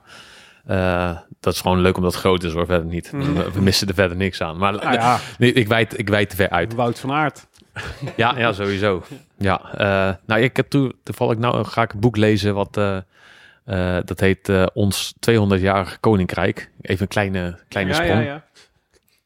Eh, We zitten nog in het hoofdstuk Ja. grenspalen, dus dit kan. Precies. Ja. En, en dat, dat beschrijft dus, ja, even om- voor het complete beeld. Eh, het Koninkrijk der Nederlanden is ontstaan in 1815. En in 1839 eh scheidde België zich weer af. Of eigenlijk in 1830. Mhm. En dan, gaat er een paar jaar overheen. En, eh, voordat dat allemaal officieel is. Dus eh, toen zijn ze weer gescheiden. Dus we zijn even samen geweest. Dat, dat hebben de, de, eigenlijk eh, andere mogendheden hebben dat bepaald. Bla bla bla bla. Eh, en nu vergeet ik weer waar ik naartoe wou. Shit. Nou, jij zat in de, de 17, e de 17 ja. provincie. Groot Nederland. Eh, ja. Je gaat een boek lezen. Oh ja, dat boek. Ja, dat klopt. Ah, en dat boek, dat boek eh, dat beschrijft dus eh, ons 200-jarig koninkrijk. Dus dan ga je, dat is geschreven in, in 2015. En dan ga je terug naar 218 en dan Ja. 200 jaar erbij. Dus hè, zo. ja. Dus dat, het, dat ze niet gesplitst zouden zijn. Hoe Wat er dan gebeurd was. dan zou zijn. Dus dat, eh, daar kijk ik wel letterlijk. Ik ben benieuwd hoe dat boek... eh, oh, je bent ja. aan het lezen nog. Ja, ja, oh, ik, ben, dacht, je ik gaat heb- nu ik vertellen over gera- de- nee. wat voor glorie ons dat brengt. Nou ja, dat, dat, dat gaat hij dus waarschijnlijk eh, vertellen. Dat wij dus... eh, dat we dus ook voor eh, Lukaku eh supporteren. ja, en dat ja, soort ja, ja, precies. En, eh, en Ja. dat dan En of de- dat jij de mixed relay ploeg wel had gehaald. Als, eh, Ja, misschien. dus in ieder geval, dat, dat alles zo'n beetje rond de grens en, en geschiedenis vind ik, eh, vind ik interessant. En die, wacht even, maar wacht even, want die grenspalen, het is even dus voor mijn begrip, dat, die staan dus letterlijk op de grens van Nederland. En dan om de paar kilometer, toch? Zo is het? Ja, dus, die, die, eh, dus wij zijn gesplitst, wij. Ja, Eh, Nederland en België. Ja, en dan, dan moet daar een grensmarkering komen. Ja. Ja, en ehm, dat zijn dan palen geworden. Omdat dat eh, eigenlijk, je hebt altijd stenen, maar dat zijn veel oudere gevallen. En wij, dat was modern palen. Dat Ja. kon je goed zien. Eh, en eigenlijk waar dan de, de, dus uiteindelijk de grens bepaald is, hoe die ging lopen, Mhm. is ja, grofweg gezegd waar de grens afwijkt van de lijn, Ja, is een paal neergezet. ah, oké. Ja. En, Ja, jammer dat ze geen conifera haag zo. ja, maar ja, kijk, die coniferaag, die zou je dus weer kunnen leiden. Ja, dat is waar. En dan elk jaar, dan Ja. wordt je land een stukje groter. Ja. En, ehm, Ja, buren, dat is wel Dus daar. ik vind het echt mooi als ik dan fiets, dan zie ik daar de paal. En als ik met iemand fiets, dan zeg ik, kijk daar paal, paal, paal. En ik vind het mooi. En maar je gaat er ook letterlijk, naar, je, fi- je, fietst er, je past er ook je routes op aan. Ja. Om palen te on- Ja. ontdekken. eh, je, ga, je hebt met Tankink, met Ja. Bram Tankink, heb, heb je een, eh, een tocht georganiseerd. Drie keer nou, 150 kilometer of zoiets. Ja, de 160, ja, Grenspalenklassieker. de grenspaden De. Ja, De- ja, eh, dus die, die, die. ik heb eh, Willem al ingeschreven. Heb je, ja? Kijk, mooi. Het is, niet, het, is, het is helemaal niet waar. Ah, jullie krijgen twee startbewijzen van mij. Leuk, leuk, Het, leuk. eh, dus Die, die. Op mijn stadsfiets mag ik toch wel mee? je mag mee, maar het is wel lastig hier, hè? Ja? Maar je mag mee. Oké, lekker. De andere zijn te doen op de stadsfiets. Je mag mijn, mijn elektrische bakfiets wel lenen. Oh, dat is een goed idee. Ja, vet. En dan zet ik Tim voorin. Ja, goed idee. En dan geef je live verslag. Dat kan ook dan. Iemand in de Oh, bakfiets. dit is een heerlijke podcast. rijden Idee oh, na oh, idee, oh, idee oh, na oh. idee. Ja, tof. Maar, Maar- goed, de grenspalen Ja, klassieker. nee, dus ook met Bram heb ik dus heel veel getraind. En eh, dan ben je aan het vertellen en dan vertel ik al die feitjes, dingen. En hij werd daar ook gewoon enthousiast van. En eh, ja, zo is het, werd dat wat tussen ons. En eh, toen eh, kwam er een derde persoon bij, Bjorn. En die, eh, die organiseert evenementen. Die zei, ja, dit, hier moet je wat mee doen. Mhm. De- de- hoe jullie hier die, dat samenspel met die grens en alles. En ja. Ehm, nou, lang verhaal kort, zo is dat, eh, dat gekomen. En, eh, eerst was ik, dacht ik nog, nou, er zit niemand op te wachten, maar... eh, Valt het mee tot dusver? Ja, ik weet het niet. Eh, ik moet eens kijken wie er allemaal ingeschreven Grenspalenklassieker.nl. Ja, nou, maar in ik, ieder heb, geval- ik heb zo vermoeden dat aardig wat luisteraars van ons het ook wel interessant vinden. Als het je eenmaal te pakken heeft, dan heeft het je goed te pakken. En dan, eh, dan wil je net als ik een schriftje hebben waar je alle nummers in schrijft. En, Ja. eh, Nee, met. Leon Geijen bijvoorbeeld, die het, die het vroeg, dat is, die gaat ook allemaal van die Eerste Wereldoorlog koersjes doen. oh ja? Ja, bij Oh ja, dat, dat ook. Ja. Vindt hij ook mooi. ja. Nou ja, dan vindt hij dit ook mooi. Ja. Dat, dat vind ik ook mooi, ja. Nou, ik, eh, oké, hartstikke goed. Eh, we hadden eh Ed Zuiderstorm vroeg, is het werelduurrecord niks aanvallen van Jos? Absoluut niet. Nee, nee, ik zie daar echt de lol niet van in. Nee. Waarom niet? Ehm, ja, wat, ik, ik zie daar niet echt prestige in. Ja, Gewoon in het hele fenomeen ja, het hele werelduurrecord zelf. fenomeen. Ja, nee, het, ehm, nee. Terwijl je zou kunnen zeggen, het is toch het ultieme voor een tijdrijden. Ja, maar dan ben ik maar niet de ultieme tijdrijder. Ja, en het is, ook eh, een, het is ook een uur. Dat kun jij ook. ja nee, het liefst, het liefst niet, hè? Ja, die Chrono de Nation is ongeveer een uur, Ja, toch? dat, daar heb ik mezelf verbaasd, ja. Ja. ja. Dat, eh, ik weet ook niet waarom. Ja, Oké, nou, dus, dus nee. Gewoon, nee, ja, nee. ik, ik, eh, nee, nee. Nee. Oké. We hoeven niet, o- heb we de- hoeven niet overal... Het is zo, nee, ook omdat je, je moet daar zoveel voor laten schieten. En, ehm, ik, ik rij gewoon liever een, een koers. Ja. Met alle dynamiek van een koers. En eh, ja, dat is gewoon het, het saaiste wat er is. Is gewoon een uur lang rondjes rijden op een baan. Zou je het kunnen... Zou je kampenaarts kunnen Nee, verslaan? absoluut niet. Nee? Nee, nee geen, geen haar op mijn hoofd. nee, nee. Hij, hij heeft echt een nieuwe standaard gelegd. En eh, Het is ook een zonderling, hè, die kampenaars. ja, nou, dat is dus echt zo'n zo'n eentje met een hoek eraf. Ja. Met vier hoeken eraf. Ja. Maar in a good way. Eh, Mike T. vraagt... eh, Uit IJsselstein? Ja. Vriend van de show, toevalligerwijs. Als je geen wielrenner was geworden, waar had je dan carrière in gemaakt? Hashtag asking for a friend. Ja. hij gaat dit heel mooi vinden als hij het. eh, eh, ja, dat, dat, dat eh, behoeft ook weer een, een introductie. Eh, wij waren. over Mike Teunis natuurlijk. Ja, Gele truidrager slash vriend van de show. eh, weet je al hoe wij hem eh, trouwens eigenlijk noemen? Nee? Ja, de- hij, is, hij is de Mayo Jaune, is zijn bijnaam. Mayo Joe. En dan, dan is het. Volslagen terecht. dan reageert hij er altijd op. hey, twee dagen, hè? Twee dagen. Ja, dus dat is echt mooi. Dus, ja, schitterend. Hij gaat er wel leuk mee om. Maar in ieder geval, na het WK waren wij aan het wachten op onze vlucht. En zijn vriendin vloog ook mee. En ze wa- waren best wel veel te vroeg op het vliegveld. Dus ja, je bent een beetje aan het praten en dit en dat. En eh, ja, toen ging het dus over wat, eh, wat, wat zij dan wou doen. Want ik, eh, ik ben altijd maar bezig dat Mike naar hier moet komen wonen of verhuizen. Ja. Om, want dan, dan word je pas echt een goede wielrenner. Maar bij, de, bij degene waar ik het hardst tegen zeg, die, die doen het de laatste paar jaar het, het allerbest. Dus, blijven doen, blijven doen. Ja. Ik zei ook tegen Dylan, ik denk, als je echt een keer een goede renner wil worden, rit in de Tour wil winnen en zo, moet je naar Limburg verhuizen. Hij heeft er inmiddels vier gewonnen. En, en Mike heeft inmiddels twee gele. Misschien moet jij naar Amsterdam verhuizen. Is Ja. dat het gewoon? Nou, ik denk het niet, hoor. En, eh, maar in ieder geval, dus gewoon een beetje, eh, ja, eh, chit-chat. En ehm, toen vroeg ik ze wat, wat zij dus wou doen. En eh, ja, ze wou, ze wou carrière maken. Oké, waar dan? Ja, maakt me eigenlijk niet zoveel uit als het, eh, ja, bij een bedrijf of zo. maar het is echt een inside joke is dat. eh, eh, ja, dus het liefst wil ik eh, carrière maken bij een bedrijf. Oké. Maar maakt niet uit wat als het een bedrijf is. Mayo Joan. Nee, ik, ik denk eh, dat ik later misschien wel eh, eh, bij Staatsbosbeheer wil werken. En dan grenspalen wil verven. zo. Grenspaalwachter. Ja, Misschien moet je gewoon de grens gaan bewaken. Is ja, dat ja waar de, de grenzen vervagen. Hè? Maar ja. gewoon, maken we gewoon een nieuw beroep. nou, daar heb ik ook allemaal ideeën over. Dat, kijk, ik vind natuurlijk landsgrenzen fantastisch. En ik ben, ik ben ik denk Europees. Hè? Ik ben een echte pro-Europese stemmer ook. Maar ehm, toch ben ik voor kleinere landen. Maar dat is misschien voor een andere keer. Misschien, Alle grote landen moeten uit elkaar vallen. misschien dat Jonne nog een keer een niche podcast wil maken over Ja. dit onderwerp. Ja. Ehm, S- eh, Stuul, CTS Stuul, vraagt... Waar heb je dat hakken geleerd? Ik zag je dit namelijk doen op het podium tijdens Dumoulin zijn toertocht. Ja. Ja, dat, dat is inderdaad dat is een, in onze appgroep, waar, waar we het eigenlijk nooit over mogen hebben, maar is dat een vrij succesvol gifje. Jos van Emden Oh, is op het podium. Is het eh, zelfs een gifje geworden? Ja, Ja, zeker weten, ja. Ik zal hem je straks laten zien. oké. Eh, waar ik dat geleerd heb? Nou, toevallig, dit is Stuul, hè, zeg je. Ja. Oh, die, die man ken ik. Oh, Dat is- ja? dat, ja, Oh. dat is mijn verzorger. Die masseert mij. Oh, nou, nou, vandaar heeft, hij dit, eh, heeft hij dit goed eh, geheim gehouden? Ja. Maar eh, ja, ik kom uit eh, Schiedam, Rotterdam, jongen. Rotterdam Terror Corps. eh, komen wij uit Rotterdam, ken je dat niet horen dan? Toe, toe, toe, toe, toe. Ken je hem niet? Ja, Ja, zeker. ja. zeker. Ja, kijk, de meesten kennen hem niet, maar Ja. eh, ehm, ja, daar dus. Ja, je, je eigenlijk meer een beetje sociale druk. Ja, ja.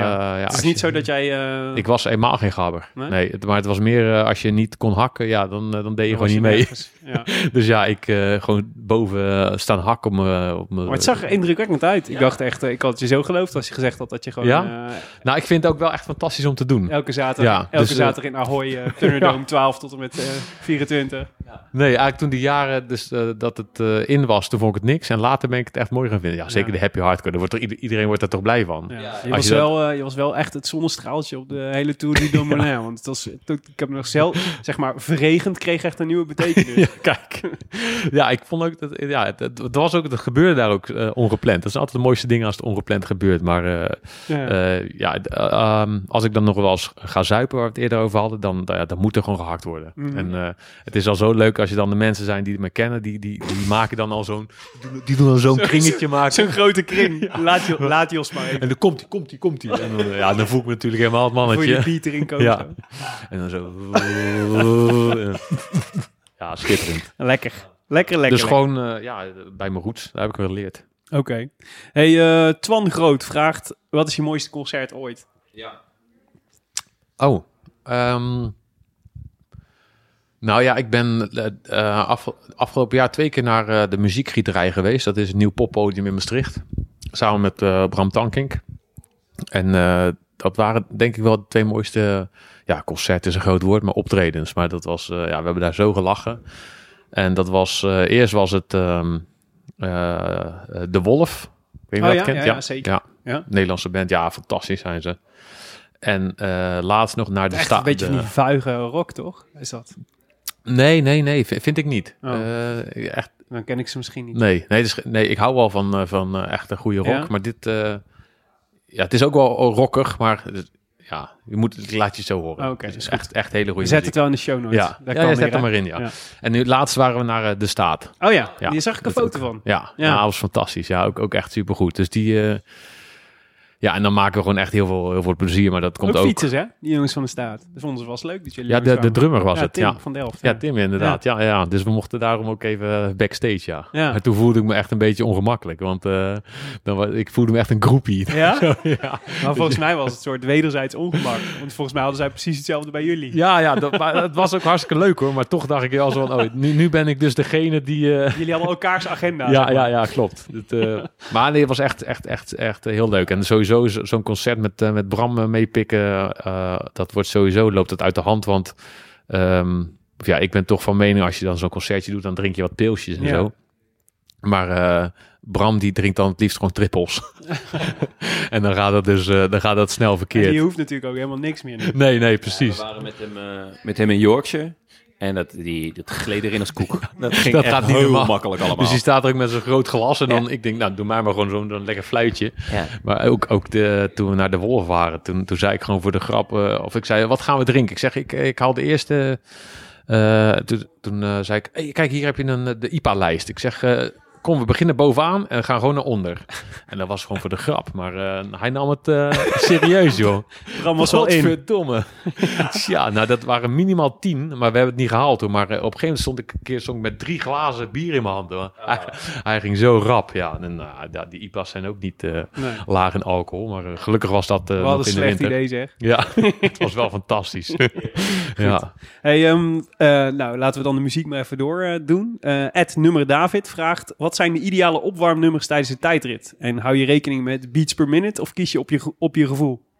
Eh, ik kies wel een beetje op mijn gevoel. Ja. Zeker niet op beats per minute. Want dan eh, moet je wat anders gaan luisteren, denk ik. Maar eh, ehm, ja, ik luister toch wel graag naar eh Merle Mensen. Oh ja. Ja, ja. ja, daar krijg ik echt wel moraal van. Ja? Ja. En ehm, ik heb dit jaar ook heel veel geluisterd naar eh, een, een andere band. En die heb ik dus leren kennen door dat optreden van eh, De Wolf. Want in het voorprogramma speelde een hele onbekende band. eh, eh, Swedish Dead Candy heette ze. Echt een hele slechte naam. Maar die, Ja. die, och, die, op een gegeven moment dacht ik Een dat... soort, eh, eh, soort Israel Startup Nation. ken, ik- ken ik niet, wat is dat? Een nieuwe World Tour ploeg. Oh, oh verdomme, ja. Inderdaad. Ja, dat is zo- zo'n slechte naam is dat, maar... Nee, maar dat, dat, Hij vond het die- als een Eurohouse band. klinkt. Ja, inderdaad. Wat is dat voor naam? Het, eh, Pas maar op, dadelijk kom je nog in je nadagen nog terecht ook. ja, nee, ik, ik zeg niks slechts over. ze. maar eh, nee, toen Als je, bij... als je van grenspalen houdt, dan moet je daar wezen. Oh. Grensbommen, denk ik. Maar eh, nee, die, die band ging... Ik dacht op een gegeven moment, die, die gaan nu die gitaren gewoon doormidden slaan op dat podium. Die, die, die waren aan het rocken, joh. Wat is Swedish? Dead Candy. Swedish Dead Candy. Nou, zetten we ook even in de show. Ja, dat klinkt lekker positief. Ja. maar het waren echt, eh super Vrolijke muziek. mooie... ga- Wij bleven, we waren als laatste. Op het begin werd er zo gezegd van... Ja, jullie jullie moeten nu echt wel naar huis. Oh, oh er is niemand meer. Jos, Jos, je bent profielrenner. Je moet misschien... Ja. Nee, dat was in de winter. Oh, was Oké, gewoon in de- oké, dat mag. Oké, neef Steef vraagt of tijdrijders andere persoonlijkheden hebben dan bijvoorbeeld klimmers. Mm, Ze zijn allebei raar, zoals al eerder al gezegd. Ja. Eh, maar ehm, Wat zijn, wat, zijn, wat zijn de normaalste renners dan? Wat- Dat is hun specialisme. nou, toch de, Sprinters de- zijn echt eh, totale macho's natuurlijk. Ja, en maar eh, wat ik toch al geleerd heb van sprinters, is dat ze wel eigenlijk heel rustig zijn. Ja. Ja, de, voorheen dacht ik altijd, ja, sprinters zijn eh, altijd haantjes de voorste en zo, maar dat, dat is helemaal niet zo. Mm. De, die zijn vaak echt eh, op het stille af eigenlijk. ja, Maar eh, ze doen wel mee en zo, maar ja, die bewaren het. voor die laatste 100 ja, ik meter. denk het. En dan, dan bam. Ja, Maar ja, de, de, de normaalste zou ik dan toch zeggen de, de echte knecht. Omdat die... ja, om dat weet ik eigenlijk niet. Maar die, ja, die hebben met min, minder rekening te houden of zo. Of, eh, ja, kijk, de, de klimmer die zet zichzelf al eh, op een bepaald rantsoen al. Waardoor je al eh, minder energiek wordt, ja. laat ik het zo zeggen. En... of laat, laat ik het zo zeggen... De, ehm, ja, die, die zijn minder met zichzelf bezig. Die, eh, die kijken meer naar. Want, want een goede knecht is niet alleen maar die hard fietst op het vlakke. of de, de kopman uit de wind zet. of op het juiste moment de bidon geeft. of het juiste moment naar voren brengt. Nee, dit is iemand die een beetje. Die, ja, het smeersel van de ploeg, laat ik het zo zeggen. En vind je dat misschien de normaalste omdat jij ook zo bent? Nee, maar meer omdat hij wel met alles zo'n beetje kan samenwerken. Zo. Een beetje, Oh, het ja, zo, ja. eh, ja. De lijm in het team. Maar ja, dan kom je wel weer bij wat ik inderdaad in het begin zei. Van, eh, je vindt jezelf normaal. Dus, Ja. eh, maar misschien toch wel een beetje, ja. Oké, mooi. Ehm, Casper Pepermans. Nou, we hadden het natuurlijk al even over Dumoulin. En Casper vraagt, wat dacht je toen Wout van Aert naar Team Jumbo kwam? Ehm, Was natuurlijk, eh, was even context, was natuurlijk eh, een eh, veldrijder. Die, waarvan een beetje, nou ja, die had, nou ja, had zich natuurlijk al wel bewezen dat hij op de weg ook wel wat kon. ja, ja. was natuurlijk een grote transfer ook. ja, zeker. Ja, Ehm, ja d- d- d- ik zat er natuurlijk een beetje... eh, ik wist natuurlijk al wel dingen en ik, ik zag ook wel linken, maar eh, ik was er niet heel verbaasd over. Ja, Omdat, eh, maar ik snap dat, dat de buitenwereld er verbaasd over was. Want dat hij naar jullie kwam. Ja, want Hm. toen waren wij, ja, we werden al wel een betere ploeg natuurlijk, maar zeker de Belgische media zal zeggen van, hij moet naar een Belgische ploeg of wat Ja. dan ook. Waarom gaat hij naar die kleinere Nederlandse ploeg? Ja. Ehm, eh, hij werkt al jaren, jaren met een trainer samen, die zit ook bij ons. Dus zo is dat natuurlijk wel, eh, Een logische ja. connectie. ja, ja, Ja. ja, En hij heeft Nederlands bloed. Hè. Dus Ja, dat, eh, ja. Zeker, halve Nederlander. Ja, zo is het. Ja, Dus, eh, Dat is ook weer zijn opa, komt uit Zunder, toch? Zoiets al. ja, uit die hoek, hè? Ja, Ja. Rijsbergen, Zundert of zo. Ja, Ja. zoiets, ja. Had je, heb je die, eh, ik ben nu even vergeten, Het Huis heet dat volgens mij? Ja, ik heb het gezien, ja. ja, ja. Holy shit, die, eh, die, eh, dat litteken van hem op zijn... Ik zag het laatste, of net daarvoor had ik het gezien, ja. ja, To- Toevallig, we hadden dan het, het feestje van de ploeg. En, toen liet hij even zijn- litteken ja, zien. nee, hij Even kwam, op tafel. eh, eh, ik was met de dokter gewoon aan het praten. En, en toen kwam hij erbij en die dokter zei, laat dit even zien. Ja. en, poeh, het was iets heel anders dan ik me had Ja, voorgesteld. ik ook. Eh, ja. Ja. Ik dacht echt dat het van, Maar het was een soort dubbele winkelhaak die hij had. ja. Ja. En dat is ook he- helemaal op zijn heup zo. Ik, Ja. ja, ik dacht dat het van hier naar daar in een rechte lijn was open. Ja, op zijn dijbeen, dat Ja, ik ja. ook. Maar dat was, het was echt op zijn heup, ja. Ja, Ik vond het heel heftig om te zien. ja, maar dat zag er echt... poeh. en toen was het ook nog wel wat, wat, wat verser zo. eh, ja. Ja. nou. Ja, Ben jij ooit zo zwaar gevallen? Nee, nee, nee. Ja. Ja, heel goed. Nee, gelukkig niet. Nee. Ja. nee ik heb een keer mijn sleutelbeen gebroken, schouderblad. Maar Maak je, wel, maak je wel zorgen in de, in de koers? Mm, maar eigenlijk niet. Want ik, want jij ik, eh, zei net eerder in dit gesprek, had je het over dat je, als je, dat je vaak boos werd als je ze, bijvoorbeeld zag dat andere renners gevaarlijke Ja. dingen deden. Dat is natuurlijk wel... Dat is een, een, een soort van zorgen maken inderdaad. Ja. Ja. Van het, we doen al zo'n gevaarlijk beroep, doen we wel eh, op, de, op de momenten even normaal. Ja. ja. Ja. Als je nou, eh, dat is ook wel nee, zeker het afgelopen jaar best wel veel te doen geweest over veiligheid in de koers en zo. Hè? En ehm, ja, we hebben natuurlijk, los van, los van de hele nare incidenten die we hebben gehad. Jan Lambrecht komt natuurlijk nog het meeste, ik, nog het meest eh, recent volgens mij. Maar er is natuurlijk wel nog veel meer aan zware valpartijen geweest. Wat we ook het afgelopen jaar hebben gezien. Ook wel veel, veel gedoe over veiligheid in de koers. Zijn dat dan ook dingen waar je naarmate je ouder wordt ook meer mee bezig bent? Dat je, Ja, dat je het zeker. gevoel hebt van, Ja. eh, dat je minder roekeloos bent of zo? Ehm, ja, ja, ja, ik denk wel. Ik, ik ben niet bewust mee bezig om, om minder roekeloos te zijn. Ook- omdat ik niet denk dat ik heel erg roekeloos was. Maar je, ja, je bent wel meer mee bezig inderdaad. Van, Ja. want als jij, als jij eh, 23 bent, 24, dan, dan, dan draait het echt maar om één ding. Mhm. En nu draait het wel om meerdere dingen, inderdaad. En eh, het, het is al zo'n gevaarlijk eh, beroep wat je doet. En als je dan ook, ook leest wat zo met... eh, Ervaar, ja, ervaar je het als een geva- echt een gevaarlijk beroep? ja, ook het- als het je is, ik ervaar het niet zo, maar het, het is natuurlijk wel zo. Ja. En, en ehm, kijk, ik, ik maak ook echt heel veel ruzie. Niet dat ik daar trots op ben, maar met automobilisten. Gewoon, want, want daar, die beseffen niet dat zij gewoon een moordwapen onder zich hebben. Ja. En dat wij maar op een fietsje En dat je zitten. ultiem kwetsbaar bent. Ja. Je, Dus dan, dan, met je dun laagje liekgraaf. dan wil ik altijd duidelijk maken wat, wat ze doen. En dan, Ja. dan word ik ook gewoon agressief. Ja. Ehm, dus ja, ja, het is gewoon gevaarlijk wat je doet. En dan moet het zo min mogelijk, ja, probeer het zo, in ieder geval je collega's onderling, Ja. elkaar niet eh, heel link te maken. Ja. ja, is dat dan... ehm, het zijn- nu zijn er natuurlijk veel meer dingen belangrijk, maar eh ze hadden het net al over Kittel en over zijn, eh, over zijn zoontje. Mhm. Heeft het, eh, toen- jij vader werd, heeft dat iets veranderd? Nee, nee, nee. Dat, ik eh, hoor dat ook bij heel veel, maar... Ja. ehm, of ja, zo ervaar ik het niet. Totaal misschien niet is zelfs. het, misschien is het eerder voor renners die daarvoor heel veel risico namen. Misschien, ja. Ja, als je Ja. dat al niet deed, dan is het natuurlijk... Ja, hoeveel, hoeveel minder gevaarlijk wil je het hebben? Dat is ook zo. Misschien als jij inderdaad al vaker op de grond lag, eh, ook omdat je het gevaar opzocht, dan is dat anders, ja. Op zich ben je natuurlijk, blink je natuurlijk ook uit in de minst gevaarlijke discipline van allemaal, toch? ja, dat is inderdaad, ja. Ja, Ja, ja, Totdat je de, de blessure van Van Aert ziet natuurlijk. ja, ja. poef, ja. Ja, dat is waar. Hey, ehm, Bart Broeders vraagt, eh, hoe ziet Josse routine eruit vlak voor een tijdrit? Heb je nog schietgebedjes, bijgeloof, schuurpapiertjes op je zadel?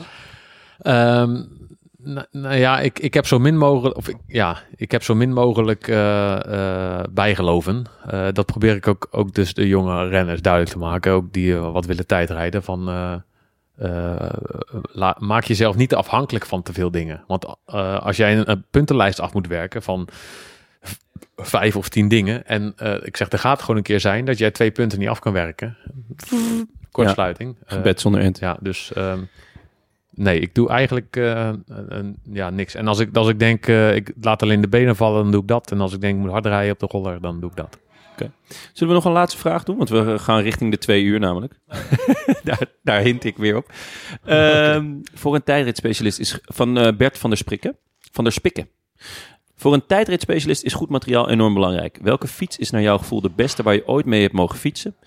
En is er ook een fiets met veel nostalgische waarde voor jou? Ehm, eentje die je bijvoorbeeld eh, aan de muur zou willen hangen na afloop. Na, je, na afloop van je carrière.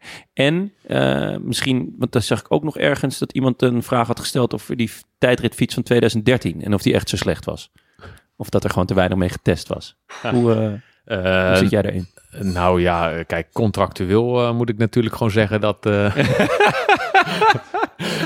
Oh ja, dat, eh, dat is waar. maar dat is ook gewoon de beste fiets. Dus de, Ja. de, de tijdritfiets die wij nu een jaar of vier hebben... eh, van, van, van eh, Bianchi is gewoon ja, de, de beste. Maar ja, het is niet dat ik nou alle... Kijk, ik kan ze niet vergelijken. Dus, eh, maar degene die ik gehad heb, is dat veruit de beste. die van nu. Die van nu, En die ja. van 2013? Ja, dat, Daar was toen zoveel ja, dat was een drama. Ja? Ja, dat was echt een drama. Ja. Dat, dat, die, dat liep hopeloos achter ook. En eh, alle kabels liepen, liepen buiten langs. En dat, die was helemaal dat ook niet... die fiets waar Mo- Mollema toen zo over klaagde dat hij aanliep? Nee, dat, dat is zeg maar die we nu hebben. Maar dat, toen, toen was hij nog in de, in de testfase. Ja. Ja. Ja. ja dat, eh, nee, dus, nee, maar die, dat, was, dat kon je eigenlijk geen tijdritfiets noemen. Die was zo slap. Als jij, als jij gewoon wegreed van, van het startpodium, dan, dan liep hij gewoon aan aan de remmen en alles. Het, eh, ja, Ja, maar ze, dat, hebben ze, dat hebben ze gewoon heel goed eh, opgepakt. En nu hebben ze een van de betere fietsen. Ja. Alright. Hey, ehm, we gaan ermee stoppen, Jos. Jammer. Het heeft lang genoeg geduurd. Ja. Misschien, ik heb het gevoel dat we nog uren door kunnen praten. Dus misschien moeten we het gewoon nog een keer doen. Ja, dat is goed. Ehm, ja, u luistert naar de Rode Lantaarn. Gepresenteerd door twee van uw drie favoriete bankzitters. Jonne Seriese en mezelf Willem Dudok. Vandaag met als speciale gast Jos van Emden. Jos, hoe vond je het? Ja, ik vond het leuk. Ik heb niet het idee dat het twee uur duurde al. Nee, Nee. maar dit is... eh, Maar ik zie dat er al vijf eerste- minuutjes staan. dus- Jouw eerste... ja, precies. Ja. Jouw eerste podcast optreden. Dat vind ik Ja. wel bijzonder. Ja, Ja. Nou, wordt vervolgd. ontgroend. Het gaat je goed af. Misschien moet je eens overwegen om zelf een podcast te beginnen. ja. Hey, ehm, deze rode lantaarn werd mede mogelijk gemaakt door Canyon, fiets van de show. Eh, ja, dat wist je nog niet, maar we worden gesponsord door Canyon, de concurrent. En eh, Dag en Nacht Media. Speciale dank aan Leon Geijen, Bastiaan Gaillard, Maarten Visser en Bas van Eyck van hetskoers.nl, de wielerblog van Nederland en Vlaanderen voor de steun op vele fronten. Als je wil reageren op deze uitzending, dat kan via eh Willem Dudok, Tim de Gier, uh, Ton Garçon, waarvan de eerste O0 is. En Jos van Emden. Ben jij meer een Twitteraar of een Instagrammer? Eh Twitteraar, ja. ja. Ja. Ja maar voor de grenspaaltjes moet je op Instagram zijn. Ja, ja zeker. Ja. Nou ja, als je alle, inderdaad alle grenspalen weghaalt, dan zit ik eigenlijk niet op social media. Oké. Nou, de Rode Lantaarn heeft ook een mailadres. Groetjes at de voor al je reacties. Eh, abonneer je ook even op iTunes of laat er in elk geval even een reviewtje achter, zodat andere mensen de podcast ook kunnen vinden. Jonne, hebben we er nog één? Jazeker, Willem. Eh, ik miste jullie vanmorgen vijf sterren door Lomperik. Leuk. Eh, de week beginnen met Roland Taarn is een must. Vanmorgen onderweg naar mijn werkplek in 010 vanuit Mokum was onvolmaakt. Nu kan ik het gelukkig op de terugweg doen. Luister naar veruit de beste, leukste en meest informatieve podcast van Nederland. Ja, ja, Willem, dat zijn wij. Eh, tot slot nog even, nog even een keer eh, Fixed Gear bedanken voor dat we hier mochten zitten. Ja, zeker. De biertjes, de koffie, de gastvrijheid. eh, excuses af en toe voor de achtergrondgeluiden. Eh, er waren kinderen. Eh, dat eh, zal je altijd zien. Je, daar ontkom je niet aan. Maar eh super fijn dat ze er waren. Eh, dit was het de Rode Lantaarn special met Jos van Ende. Tot eh, binnenkort. A bientôt. I wish I could be in the south of France. In the south of France. Sitting right next to you.